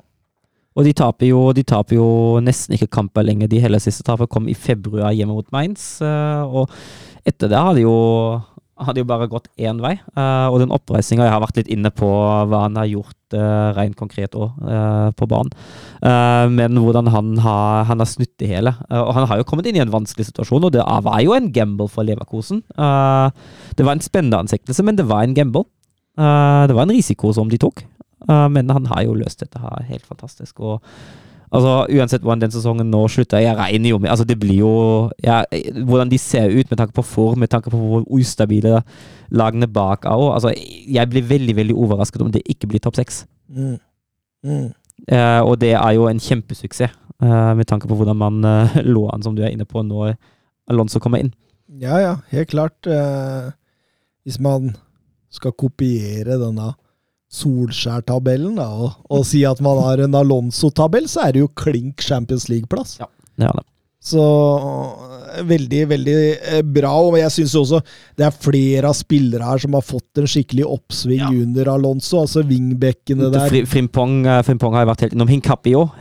Hinkapi har sett veldig veldig bra ut. Altså, altså, altså har han jo kvikna opp eh, Diaby i tillegg. Eh, Wirtz altså, Han var jo skada hele halvdel, første halvdel av sesongen, men han har kommet tilbake, og det ser nesten ut som han ikke har vært borte nå. Eh, har vært helt enorm. Uh, den sentrale midtbanelinja med, med spillere som Andrich og Palacios og Demir Bay, det, det, det ser fryktelig stabilt og solid ut. Mm. Og det er ikke lenge siden Demir Bay at han så helt ferdig ut. Skulle, han skulle til Herta. Han skulle til Herta, Ja, han men uh, han har fått seg en renessanse nå i løpet av våren. Altså. Ja. Nei, så det er ekstremt imponerende av Shabi Alonso, som er, som vi var inne på, linka til både Real Madrid og, og Tottenham nå. Eh, Jørgen Knutsen, eh, Søren, han kjenner du. Ja, ja. Han har slutta å tagge deg nå på, på Twitter, Twitter-spørsmåla. ja, er du glad for det? Ja, veldig, veldig glad. Det, det, det er eh, det, det, det, det settes pris på, for å si det sånn. Eh, En god kamp, skriver han, av, av Wolfsburg mot uh, Mainz, men holder det til Europa, og det ryktes at uh, La Croix er ute. Ja det, ja, det var en god kamp mot Mainz. Uh, veldig sterk prestasjon, og det til og med uten Mikki van de Ven, som var, han fikk karantene pga. fem gulle kort. Men veldig solid og voksen forestilling. Det, det Wolfsburg gjør både mot og med barn. La Croix er ute resten av sesongen. Hva er det nå? Er det meg du ler av? Ja. Hørt fem gule kart. Fem gule kort, ja. Hva var det? Det var ikke noe, var ikke noe mer enn det. Ok. Uh, ja, La Croix skulderskade ut resten av sesongen. Uh, det, er jo, det er jo bittert. I tillegg er jo også, tar vi jo venstrebekken nå ute resten av sesongen, så det blir vanskelig å, Det blir litt sånn interessant å se hvordan det skal stokkes om nå. Nå må jo sikkert van de Ven inn på midtstopperplassen. Ellers kunne fått ha tatt venstrebekken ved siden av Lacroix og Bonneau som midtstopperpar, men da kan det hende at uh, franskmann Kotza, som ikke har fått voldsomt mye spilletid, til å komme inn i vinter, nå tar venstrebekkplassen. Det er jo Alternativet er jo en trevekslinje med Gilla Vogi som den sentrale midtstopperen. Så jeg er litt spent å se hvordan uh, Kovac løser det der. Uh, litt kjedelig at uh, Lacroix nå er ute. Han har sett bra ut i det siste, han òg. Um, om det holder til Europa det, jeg, tror nesten ikke det. Uh, det kan muligens holde til at man forsvarer syvendeplassen, uh, og da må Leipzig vinne cupen. De er jo favoritter uansett om de møter Stuttgart eller Frankfurt. Den kampen spilles i kveld. Um, men programmet, så har de to bortekampene nå, de er jo ganske tøffe. Borte mot Dortmund og borte mot Freiburg. Uh, det, er, det er vanskelige kamper. Uh, hjemme er det igjen Hoffenheim og Hertha. De to skal man jo vinne. Uh, Men tror du det var kjangs borte mot Dortmund? Blir det, det poeng der, liksom? Det, det, er vanskelig å se for seg også. Uh, særlig når Dortmund vinner, jakta gull og nå har gitt fra seg to poeng mot Bochum. Jeg tipper at man møter et ganske revansjelystent uh, Dortmund-lag der. Uh, kan fort hende at det blir en, uh, blir en fryktelig, fryktelig tøff kamp. Mm. Så jeg veit ikke, vi får se. det bør jo være minst seks poeng. Kanskje blir det sju, kanskje blir det åtte. Kanskje vinner man en av de to tøffe bortekampene. Det er jo jevnt i Bundesliga for all del. så får man se hva det holder til. Men jeg holder fortsatt en liten knapp på at Mainz trekker forbi, altså. Jeg tror det. At Mainz tar den syvendeplassen, og at Wolfsburg havner på åttende til slutt. Mm. Mm. Er du er du fornøyd med Kovac nå, eller? Jeg, det er litt sånn sikkert som vi har forventa, da. Uh, han hadde jo en veldig god periode, uh, og gjorde, jeg mener at han gjorde en god jobb, men jeg syns han er han er litt for sein til å finne endringer når ting ikke virker. Han er litt for konservativ. Og så, og så begynner han å famle voldsomt når han først famler. Uh, at han plutselig snur litt som alle stein igjen. og jeg veit ikke, altså. Jeg føler at jeg fikk cirka det jeg forventa, da. Uh, en, uh, en, helt middelmådig plassering. Et sted mellom syv og ni. Det var jo cirka det man Jeg tipper jo syvende. Uh, og det blir jo i hvert fall i det området der. Så mm. cirka det jeg forventa. Men det er jo kanskje også da taket til Kovac er. Ja, vi snakka om dette taket.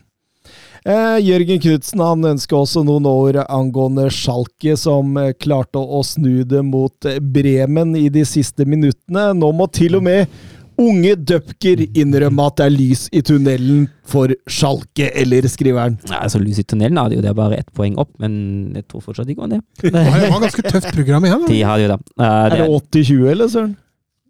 Ja, 70, nei, 75-25. 75-25. Det er 28, vi kan si 28. Det er greit. Nei, de har et tøft program igjen. Eh, de har jo ikke vært bra på bortebane i det hele kamp tatt. og de siste, tre av de siste fire kamper er borte, og de bortekampene er mot Mainz, Bayern og Leipzig. Uh, hjemmekampen som de har igjen, er mot Frankfurt. Frankfurt ser ikke ut om dagen, så det kan fort bli tre poeng der. Mm. Men jeg kan Altså, Kanskje mot Mainz, som nå ser altså, så fryktelig svak ut mot Wolfsburg, men jeg har vanskeligheter med å se for meg at det blir mer enn fire poeng ja. i de siste fire kampene. Uh, trolig blir det mindre òg. Uh, de må nok ta poeng da de ikke har forventa til å ta poeng, og Jørgen er jo inne på det òg. Altså, de har jo ikke sett bra ut. De har, den, den, ene kampen de virkelig har sett bra ut i det siste, det er jo den mot Hertha, og det er det ene laget som ligger bak i tabellen. De har ikke sett bra ut mot Bremen. Uh, de har ikke sett bra ut mot Freiburg. De har ikke sett bra ut mot Hoffenheim, og de har ikke sett bra ut mot Leverkosen. Uh, jeg har vanskeligheter med å se for meg hvordan det skal gå. Uh, da må i så fall nesten Borum ikke ta noen flere poeng. For all del, det kan skje.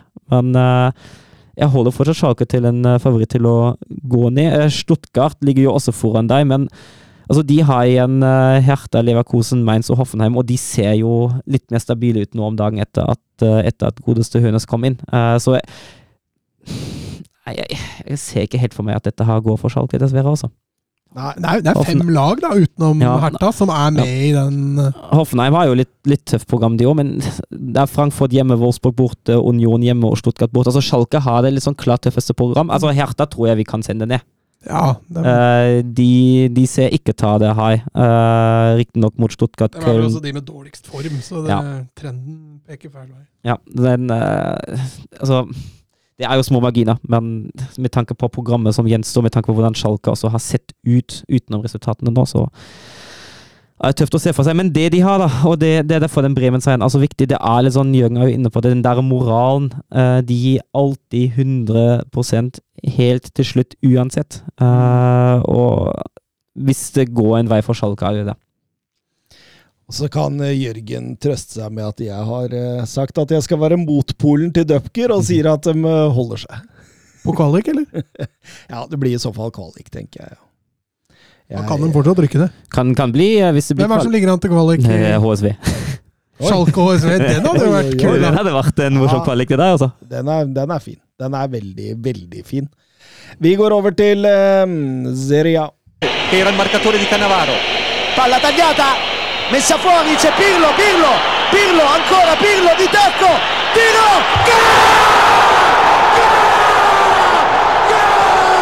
Grosso, Grosso, gol, gol di Grosso, gol di Grosso.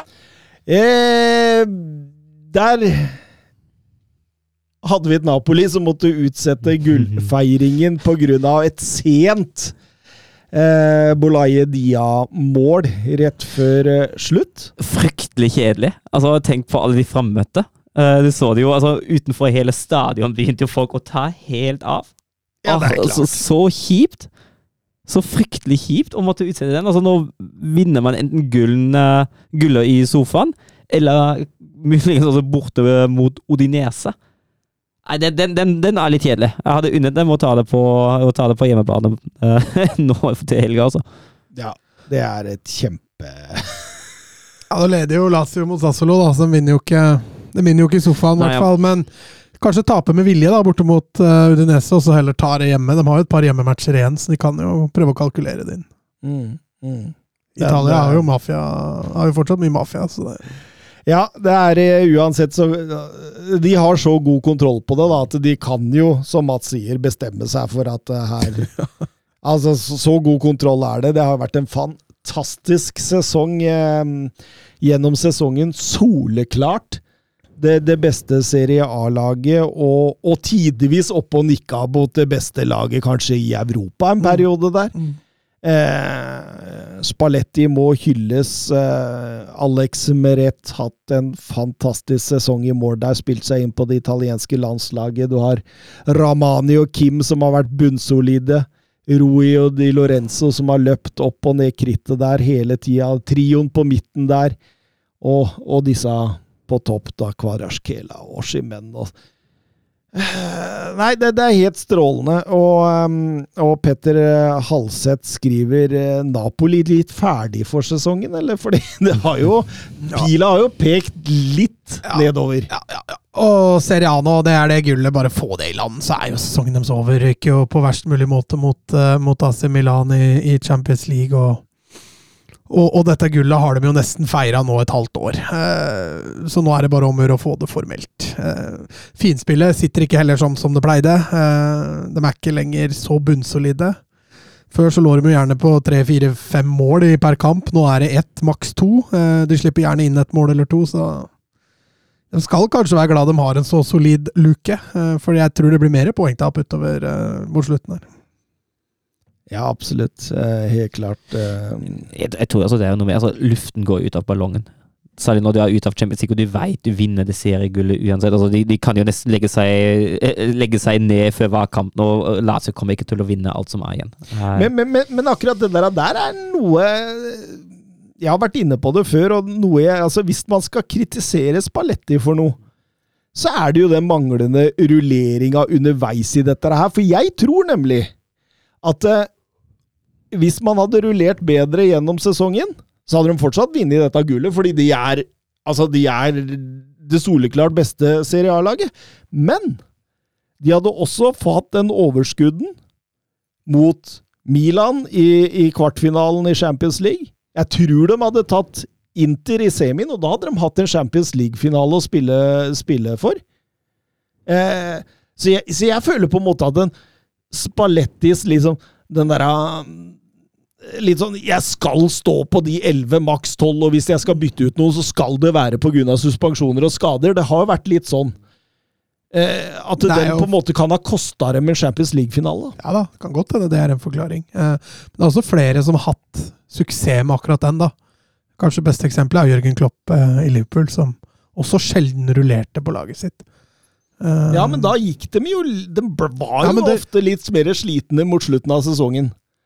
Ja, men lufta det- var jo litt godt da. Det, det så du på Porcetino også. Han også rullerte lite, og lufta gikk litt ut mot slutten av sesongen. Ja da, og det nok, kan være en forklaring på det. Eh, Altså, ja. altså, jeg, det, det, altså Vi har jo sittet og hylla bredden. Altså, Oshimen har vært skada. Simione kommer inn og bare banker inn mål. Det ser dritbra ut. Eh, Så, så har Lozano vært ute. Eh, Der kommer Raspadori inn, gjør en god jobb. De har til og med Endobela gjort en god jobb. Johan Jesus og, og Østigård har spilt bra når de har kommet inn. Men hver eneste gang de har spilt, så har det vært pga. et tvunget bytte. Man har liksom ikke nå hviler man Oshimen, nå hviler man Kvarjaskela. De spiller så sant de og, og, og, og, det må jo tære på over en hel sånn sesong med, med Copa Italia, med Champions League, Nei, men i, med, Serie A-spill. i, i. Copa har jo faktisk rullert. Ja, det er det eneste stedet Ja. de faktisk har rullert. Og det da gikk de jo tidlig ut. om. Ja, det, det stemmer. Men, eh, men jeg tror det at de Selv om de selvfølgelig de vinner gullet her, det er jo helt nydelig, men jeg, jeg, jeg, liker å tenke hvordan kunne det ha vært? Og jeg tror hvis Spalletti hadde vært enda litt smartere gjennom sesongen, så tror jeg man kunne også gleda seg til en Champions League-finale i, i mai. mot Manchester, City.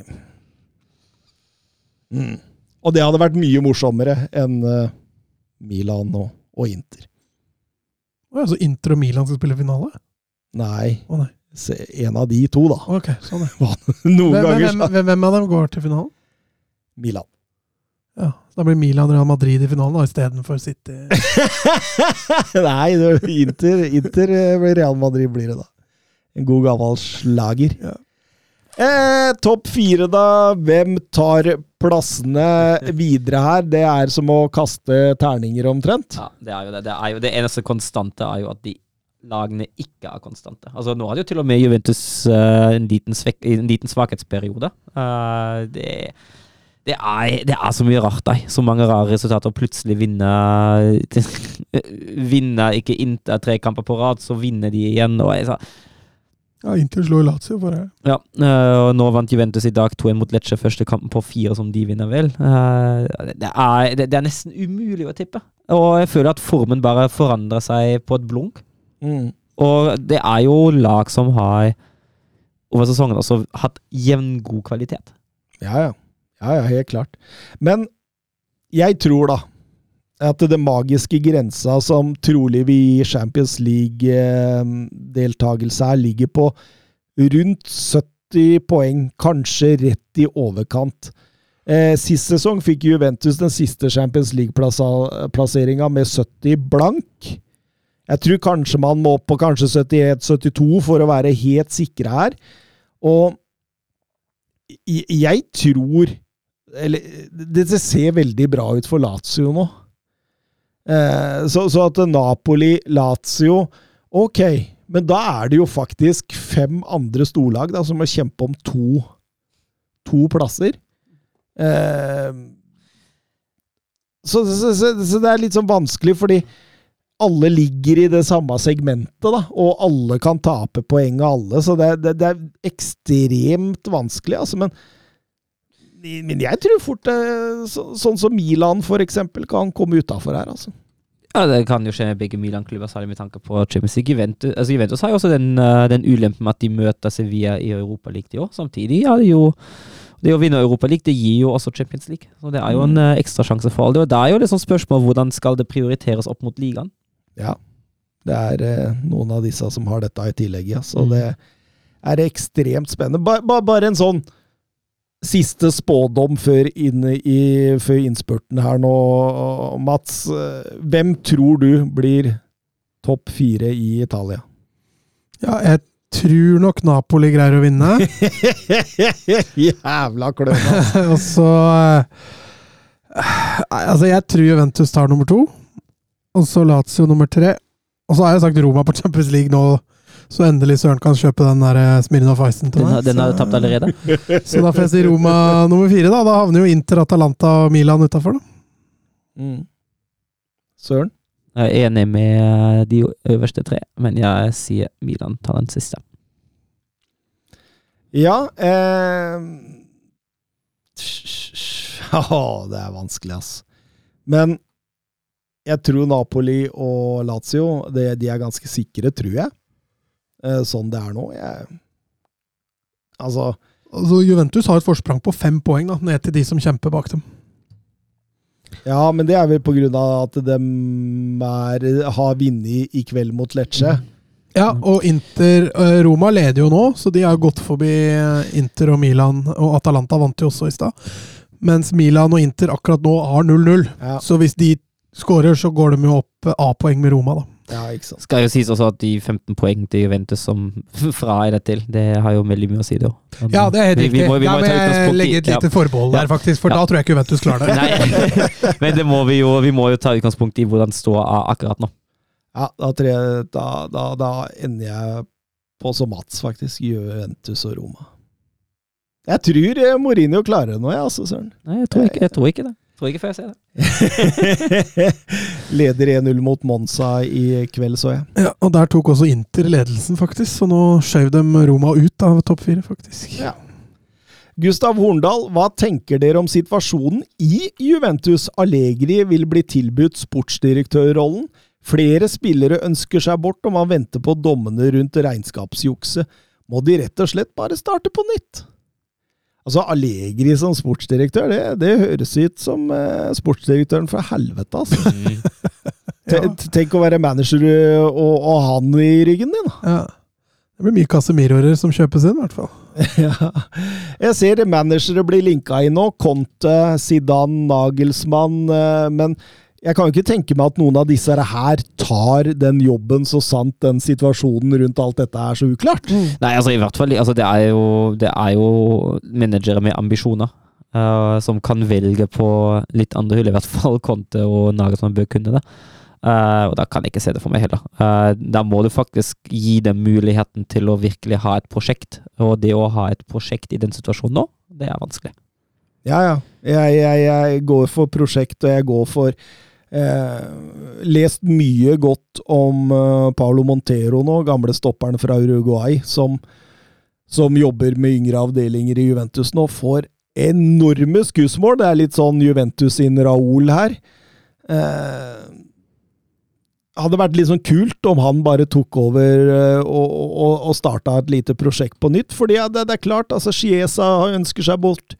Di Maria ønsker seg bort, Vlaovic ønsker seg bort, eh, Rabiot forsvinner, Paul Pogba det, det der eventyret der må jo ta slutt. Så altså, det er jo så mange spørsmål, så mange mulige spillere ut, så mye nytt som må Altså, det kan jo like godt ta en restart.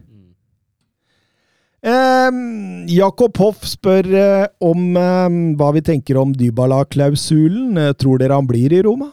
Altså, han er jo ganske billig å få, leste jeg. Hva var det? 20 millioner euro for klubber i Italia og 12 for klubber i utlandet.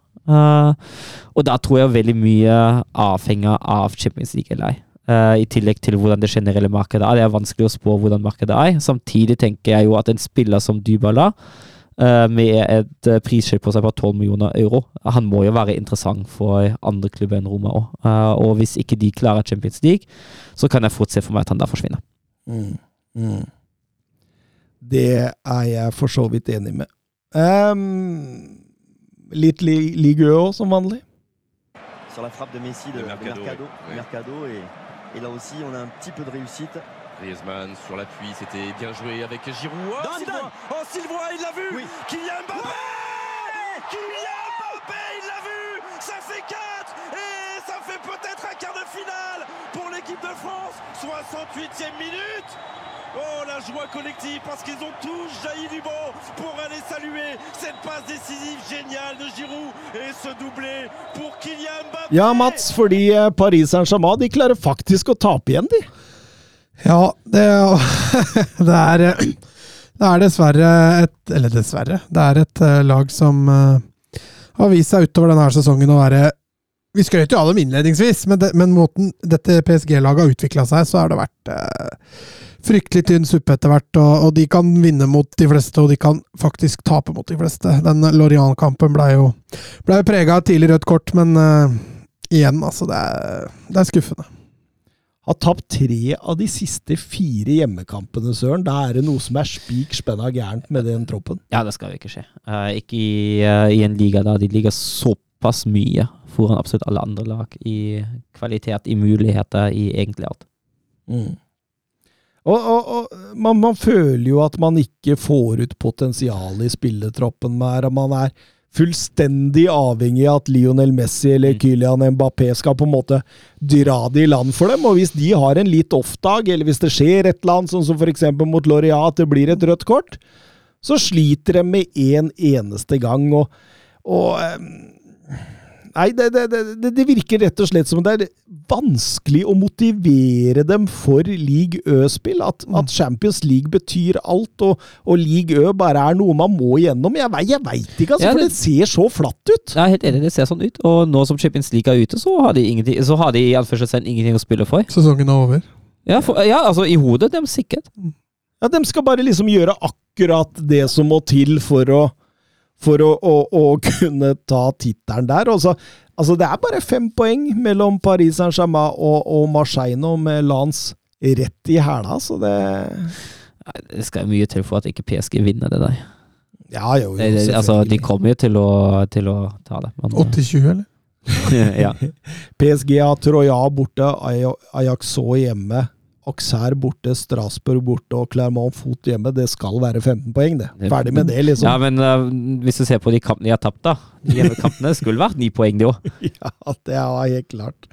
Og vi har, uh, vi har hyllet uh, Lance og Frank Heise, som kommer bakfra der. Vant også 1-0 borte mot Toulouse i går kveld, og opphenda nok en gang målskårer. Hans 18. i ligaen. Han har jo virkelig slått ut i full blomst der. Og det er liksom Monaco taper nok en gang og havner, eh, ser ut som utenfor Champions League denne gangen. En stor, stor blow for dem, selvfølgelig. Og det, det ser jo ut som Lance faktisk kan Ja, de kan til og med klare direkte Champions League-plass her, Mats. Ja da, de er eh, kun poenget bak, eh, bak Marseille. En stor overraskelse hvis de skulle, skulle bli nummer to, og, og, men allikevel veldig fortjent. De har hatt en bunnsolid god sesong.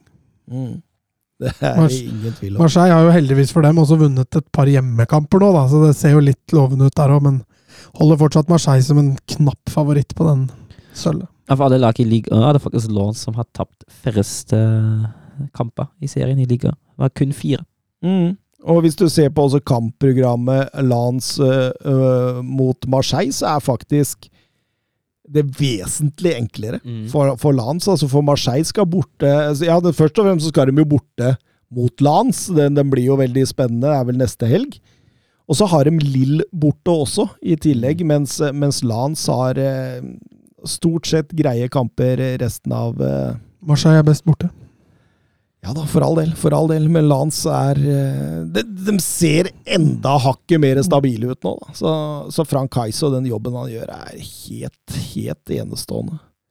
Um, Adrian Tømmernes spør men hva er grunnen da til at de fleste etablerte spillere som blir henta til Paris Saint-Germain, blir vesentlig svakere der? Og så nevner han Hakimi, Mukiele, Soler, Fabian Ruiz. Ja, fordi det er et fenomen. Eh, jeg, jeg tror det er en litt sammensatt greie, det der. Altså det, det ene uh, som jeg kan tenke meg, da, uh, det er jo at de henter inn spillere. De henter inn, hentet inn en Messi, en Hakimi, en Ramos, en Ruiz, en Mendes, en hvem du vil, da. Uh, kjøpe det som kan kjøpes.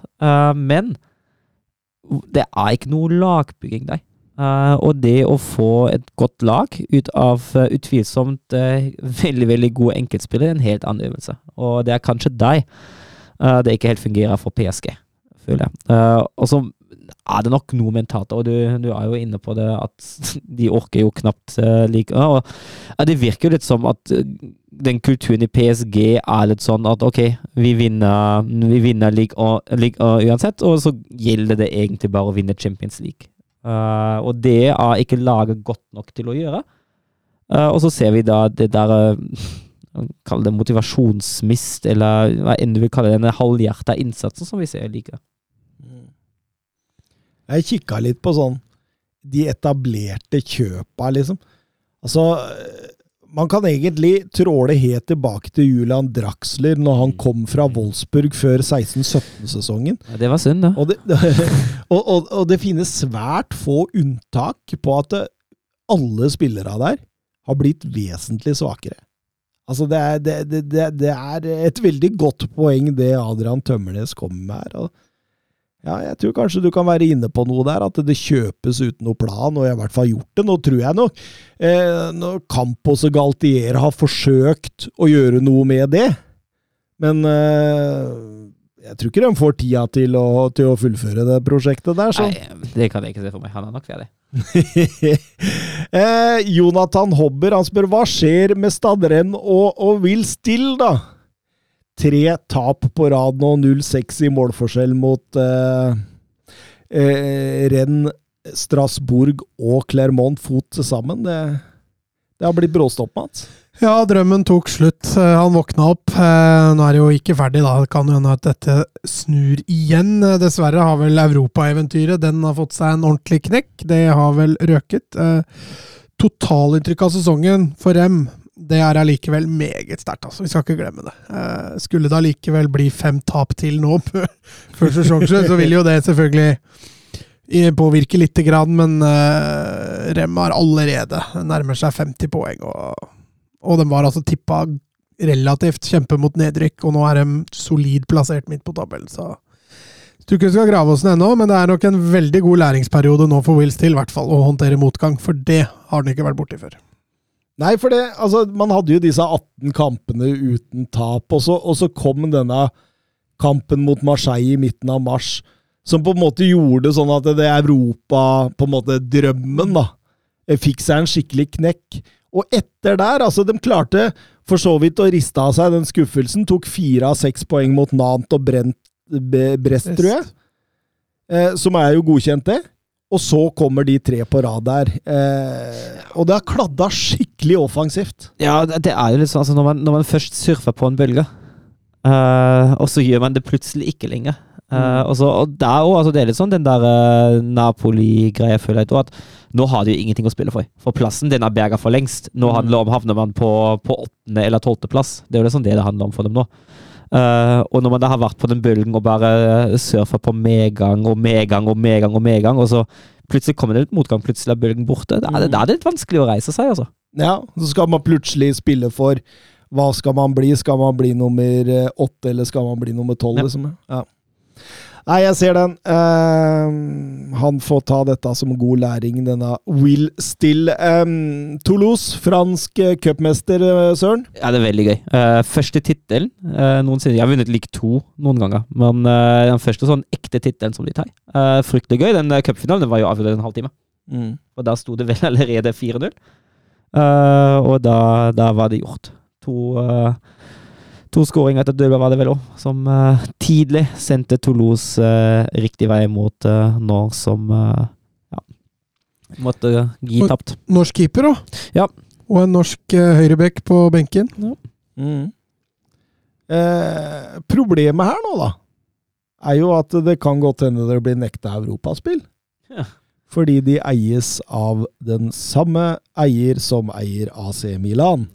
Kan ikke melde hoppe ut av Kan ikke Milan eller droppe ja, det tror du. så så sant AC Milan, hvis de da kvalifiserer seg til Europa League eller Champions League, så, så kan det bli sånn at de blir nekta. Men, men tidligere Tottenham-direktør, nå direktør i Toulouse, eh, Damian Comoli, han, eh, han var ganske sikker på at det skulle løse seg likevel. Ja, men altså, vi har jo hatt det før i Champions League også. Du har jo, du har jo to Red Bull-klubber som har spilt eh, Champions League i samme turnering. Eh, Du har hatt, eh, du har hatt Abramovic-klubber i Chelsea og Sjakta Donetsk som har dukket opp i, i en og samme turnering. Så jeg veit ikke hvor nøye Uefa de reglene. Jeg husker også det var et eller annet med med Wolfsburg eh, og Ingolstadt i cupen en gang. For Ingolstadt har, har Audi som, eh, som en eierinteresse der, og Audi er en del av Volkswagen Group, og da blir det litt sånn no, greier der òg. men det var jo bare i Tyskland, da, men det løser seg. Det, altså, det er Jeg veit ikke hvor nøye de er på de reglene der. Ut ifra historien ser det ut som at de ikke er sånn voldsomt nøye på akkurat den der. Nei ehm, Det kan godt være. Vi får håpe det at de eh, får kommet seg til Europa. Toulouse er jo en nydelig klubb og, og fine drakter. um, jeg har en liten utfordring til dere, gutta. Oi, oi, oi. Ja. Husker dere gamle ti spørsmål? Ja. Eh, da hadde vi en sånn at man svarte annenhver gang, til Åh, man ikke hadde noen flere igjen. Husker dere det? Mm. Det kommer med klokka ti på kvelden. Og nå ønsker jeg Jeg vil ha navnet på alle de 20 spillerne i topp fem-ligaene med flest målpoeng totalt. Altså både mål og assist til sammen. Og et hint kan være at alle de øverste 20 har 21 målpoeng eller flere. Erling, Det samme. Erling Braut Haaland. Ja, så du fikk begynne, ja. Ja. Jeg tok meg til rette. ja, da han var nummer én med 41 målpoeng. ja. Ja, Men du skal bare ha topp 20? De med 21 målpoeng eller mer i topp fem-ligaen i år. Ja, Karim Benzema, da. Eh, hvor finner vi han, da? Vil du begynne på nytt, eller? Ja, Harry Kane. Harry Kane ligger på tredjeplass med 28 målpoeng. Kylian Mbappé. Han ligger på fjerdeplass med 27. Um, Oshimen. Oshimen ligger på femteplass med 25. Robert Lewandowski. Ligger på sjuendeplass med 25. Har du tatt noen i Bundesliga, eller? Nei, du har ikke tatt noen i Bundesliga? Hvem er det som gjør det bra i Bundesliga, Søren? -hmm. Jeg kan si så mye som at det er én to Bundesliga-spillere her. Hva, hvor mange på målpoeng har den laveste? 21. Var det det du sa, ja? Uh, uh, eh, faen, ass. F Ja, jo, han Fullkrug! Ja, han var siste med 21 målpoeng. Randar Kolo Moani. Ja, han var nummer 14 med 23 målpoeng.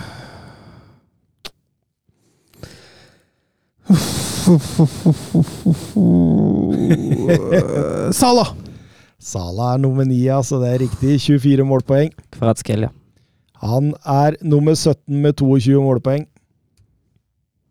Rashford. Rashford er nummer 18 med 21. Lionel Messi. Ja, han er nummer to, så der var vi et sprang opp igjen. Helvete, nå er jeg, nå er det tynt, ass. Nå er det tynt. Nå er det tynt. Eh, jo eh, Nei. Jeg, Nei, Jeg må tippe, da. Eh, Martinez. Lautoro. Eh, der røyk du, søren. Eh, ni- ni- Er det topp fem-ligaene? Ja. Jonathan David. Ja, han er nummer seks. Da, da fikk du et nytt liv. Martin Ødegaard. Martin Ødegaard nummer 18. Ja, nå er jo jeg ute her, da. Det er liksom den der bolken nå mellom 7 og 15, hvor dere har liksom eh, eh, Ivan Tony Han har vel bare, han har ikke hatt 20 mål i Premier League? Ivan Tony. Ja, nummer 7 med 24. Ja, nå begynner jeg å Nå har jeg vært ute to ganger, da. ja, det har Mats også. Jeg, jeg er snill i dag, det er mest for moro. Uh, nei, veit du hva. Nå begynner jeg å Favorittspilleren din her? Min favorittspiller nå er jo keeper Konkasté, så han er jo ikke med deg. Ja, men sånn totalt sett overall, utenom Dzeko? Hæ? Nå henger Å Manchester City ja, Kevin De Bruyne, ja, selvfølgelig. Ja, ja, takk. nummer tolv. Eh, Balagon. Nei. eh, Opp, opp enda! Hvor mange, hvor mange mangler vi nå? Vi føler vi, vi, føler vi kom ganske Dere langt. mangler fem, bare. Så det er, det er Kan, greit. kan, du- kan du gi ligaene på de Ja, det kan jeg gjøre. Um, skal vi se, det er da én, to, tre, fire i league Ø Ja, såpass, ja. og én i Premier League. ja da, da blir det å bli vanskelig. Uh, er Ben Gjedda med deg? Ja. Nummer 15. Ah, Lacassette. Lacassette nummer 10. Ja, nå, nå sier det slutt. Men, Nei, jeg, sorry, jeg bomma litt. Han er fransk, men han spiller i La Liga. Nei, så det er- La Liga, Premier League og Ligue 1 igjen. La Liga Premier League. Benzema? Nei. Hvilken franskmann gjør det bra i La Liga? Å oh, ja, Grismann. Griezmann. da har vi to igjen. En i Premier League og en i liga? Ja. Saka! Ja! Da mangler vi sistemann, og han er glad i å dra på bursdag til søstera si. Neymar. Ja, Neymar. Der var vi igjennom. Det var ganske bra da, gutta! Jeg føler de går ålreit. Ja. Ja da, dette her gikk strålende. Eh, André Schjelderup, hvor god er Joao Neves i Benfica? Startet de to siste nå. Han er ekstremt god. Altså, her har Benfica et nytt, stort, stort, stort fotballtalent som kommer til å ja, det, Jeg husker eh, Jeg nevnte vel Enzo Fernandes, at han kom til å gå til Real Madrid om et par-tre år. Jeg kan si det samme om Så da går han til Chelsea om et halvt år, da. ja, det er vel det som er greia. Eh, så dyptliggende playmaker har gått rett inn i, i Enzo Fernandes-rollen. Kaptein på U19-landslaget til Portugal. Sånn teknisk briljant, kreativ, energisk, pasningssikker eh, spiller som var banens beste i borteseieren mot Jill Vicente i helga. Ah, få tak i disse gutta her, Joao Neves og, og Antonio Silva og de unge gutta i, i, eh, i ligaen også nå. Diogo, Diogo Costa, som vi har snakka om, keeperen der. Er mye bra som kan hentes derfra nå. Jørgen Nystuen, Ronaldo vil bort ifølge flere kilder. Ta dere råd til ti sekunder med god latter. ja, det er ganske sjukt. Han eh, ødela ryktet og statusen sin i Manchester United for 15 kamper og 12 mål i Al Nazar. Jeg vil jo ikke si bare i Manchester United, men egentlig i store deler av fotball i Europa. Ja, det er Nå vil vi tilbake nå, da, til Real Madrid som en ambassadør.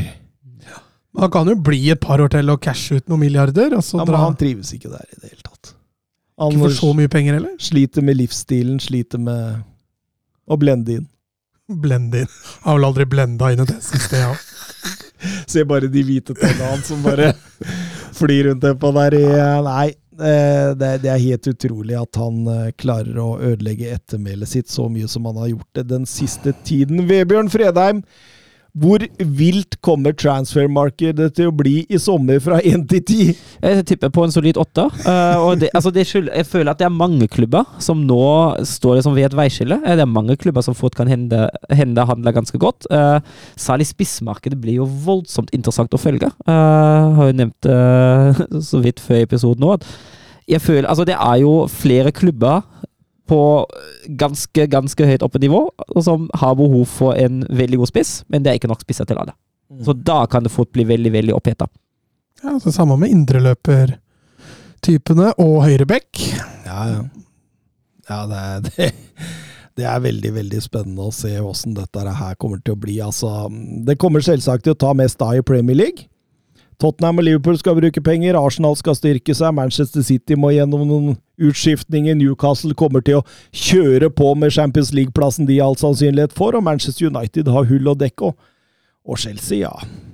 Tross 600 millioner euro, så har de faktisk også hull å dekke, så det er, eh, det er helt Ja. utrolig. Real Madrid har sittet på gjerdet lenge nå, Bellingham trolig inn der. Bayern har en del ting å gjøre. De har det. Tuchel eh, må ha inn forsterkninger, ja. Eh, Dortmund vil nok fortsette å bygge på det de Ja. har eh, denne gangen. PSG må gjennom en stor omveltning. Juventus, man veit ikke hva som skjer der. Napoli vil forsvare Scudetto. Altså, det er ekstreme mengder som Altså, jeg gleder meg rett og slett til, til transferpodden vår i sommer. Det skal bli helt konge. Eh, Kim Jansen, i kveld må vi få høre Sørens betraktninger om thrilleren på Intility. Ja, sportslig eller emosjonelt? uh, nei, altså, altså altså, det, var jo, det var jo helt sykt å være der. Den rammen uh, rundt Derby der. Uh, utsolgt på Intility. En gul vekk med 3300 LSK-supportere. Uh, stemninga, stemninga i Lillestrøm i forkant er helt magisk. Eh, Jeg så det var tre podcaster på ett bilde der. ja, det var eh, var blå ball eh, ved Anders Hansen eh, som tok bilde, og så var det, tok han bilde av blant annet meg, og i bakgrunnen var det Morten Galaasen, Pyro Pivo. Så det var Ja, eller de to andre, som du kaller dem, da. Han tok bilde av meg og to andre.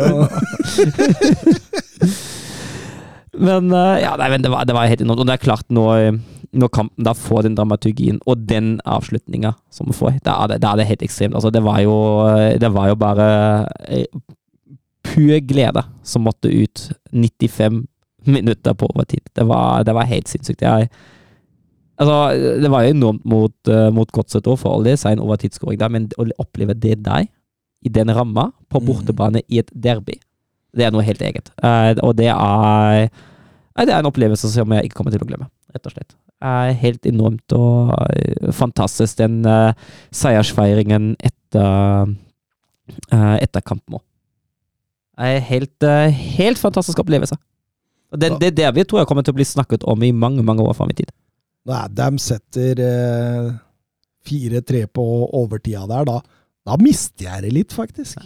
Eufori, vet du. Ja. Og den derre eh, Altså, det er jo en, for, det er jo en svak kamp av Lillestrøm. Ja, ja, ja, ja. Men, men så tenkte jeg liksom etterpå at eh, eh, Mot Vålerenga Jeg driter i det, ass. Samme åssen vi vinner, bare vi vinner den kampen.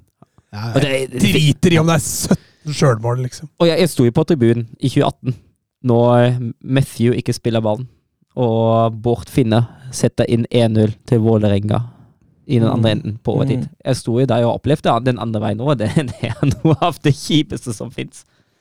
ja, ja. Og, altså, og, og var jo sikker på, vet du altså, Da vi, da vi skåra 3-2 rett etter pausen og spilte med enda mer, så tenkte jeg at nå er jeg mye heller i vår situasjon enn i Vålerenga. Så nå tenker jeg at nå, nå skal dette her gå, nå skal vi male på, nå skal vi klare det her. Etter 85 minutter tenkte jeg at vi kommer til å tape det her. Mm.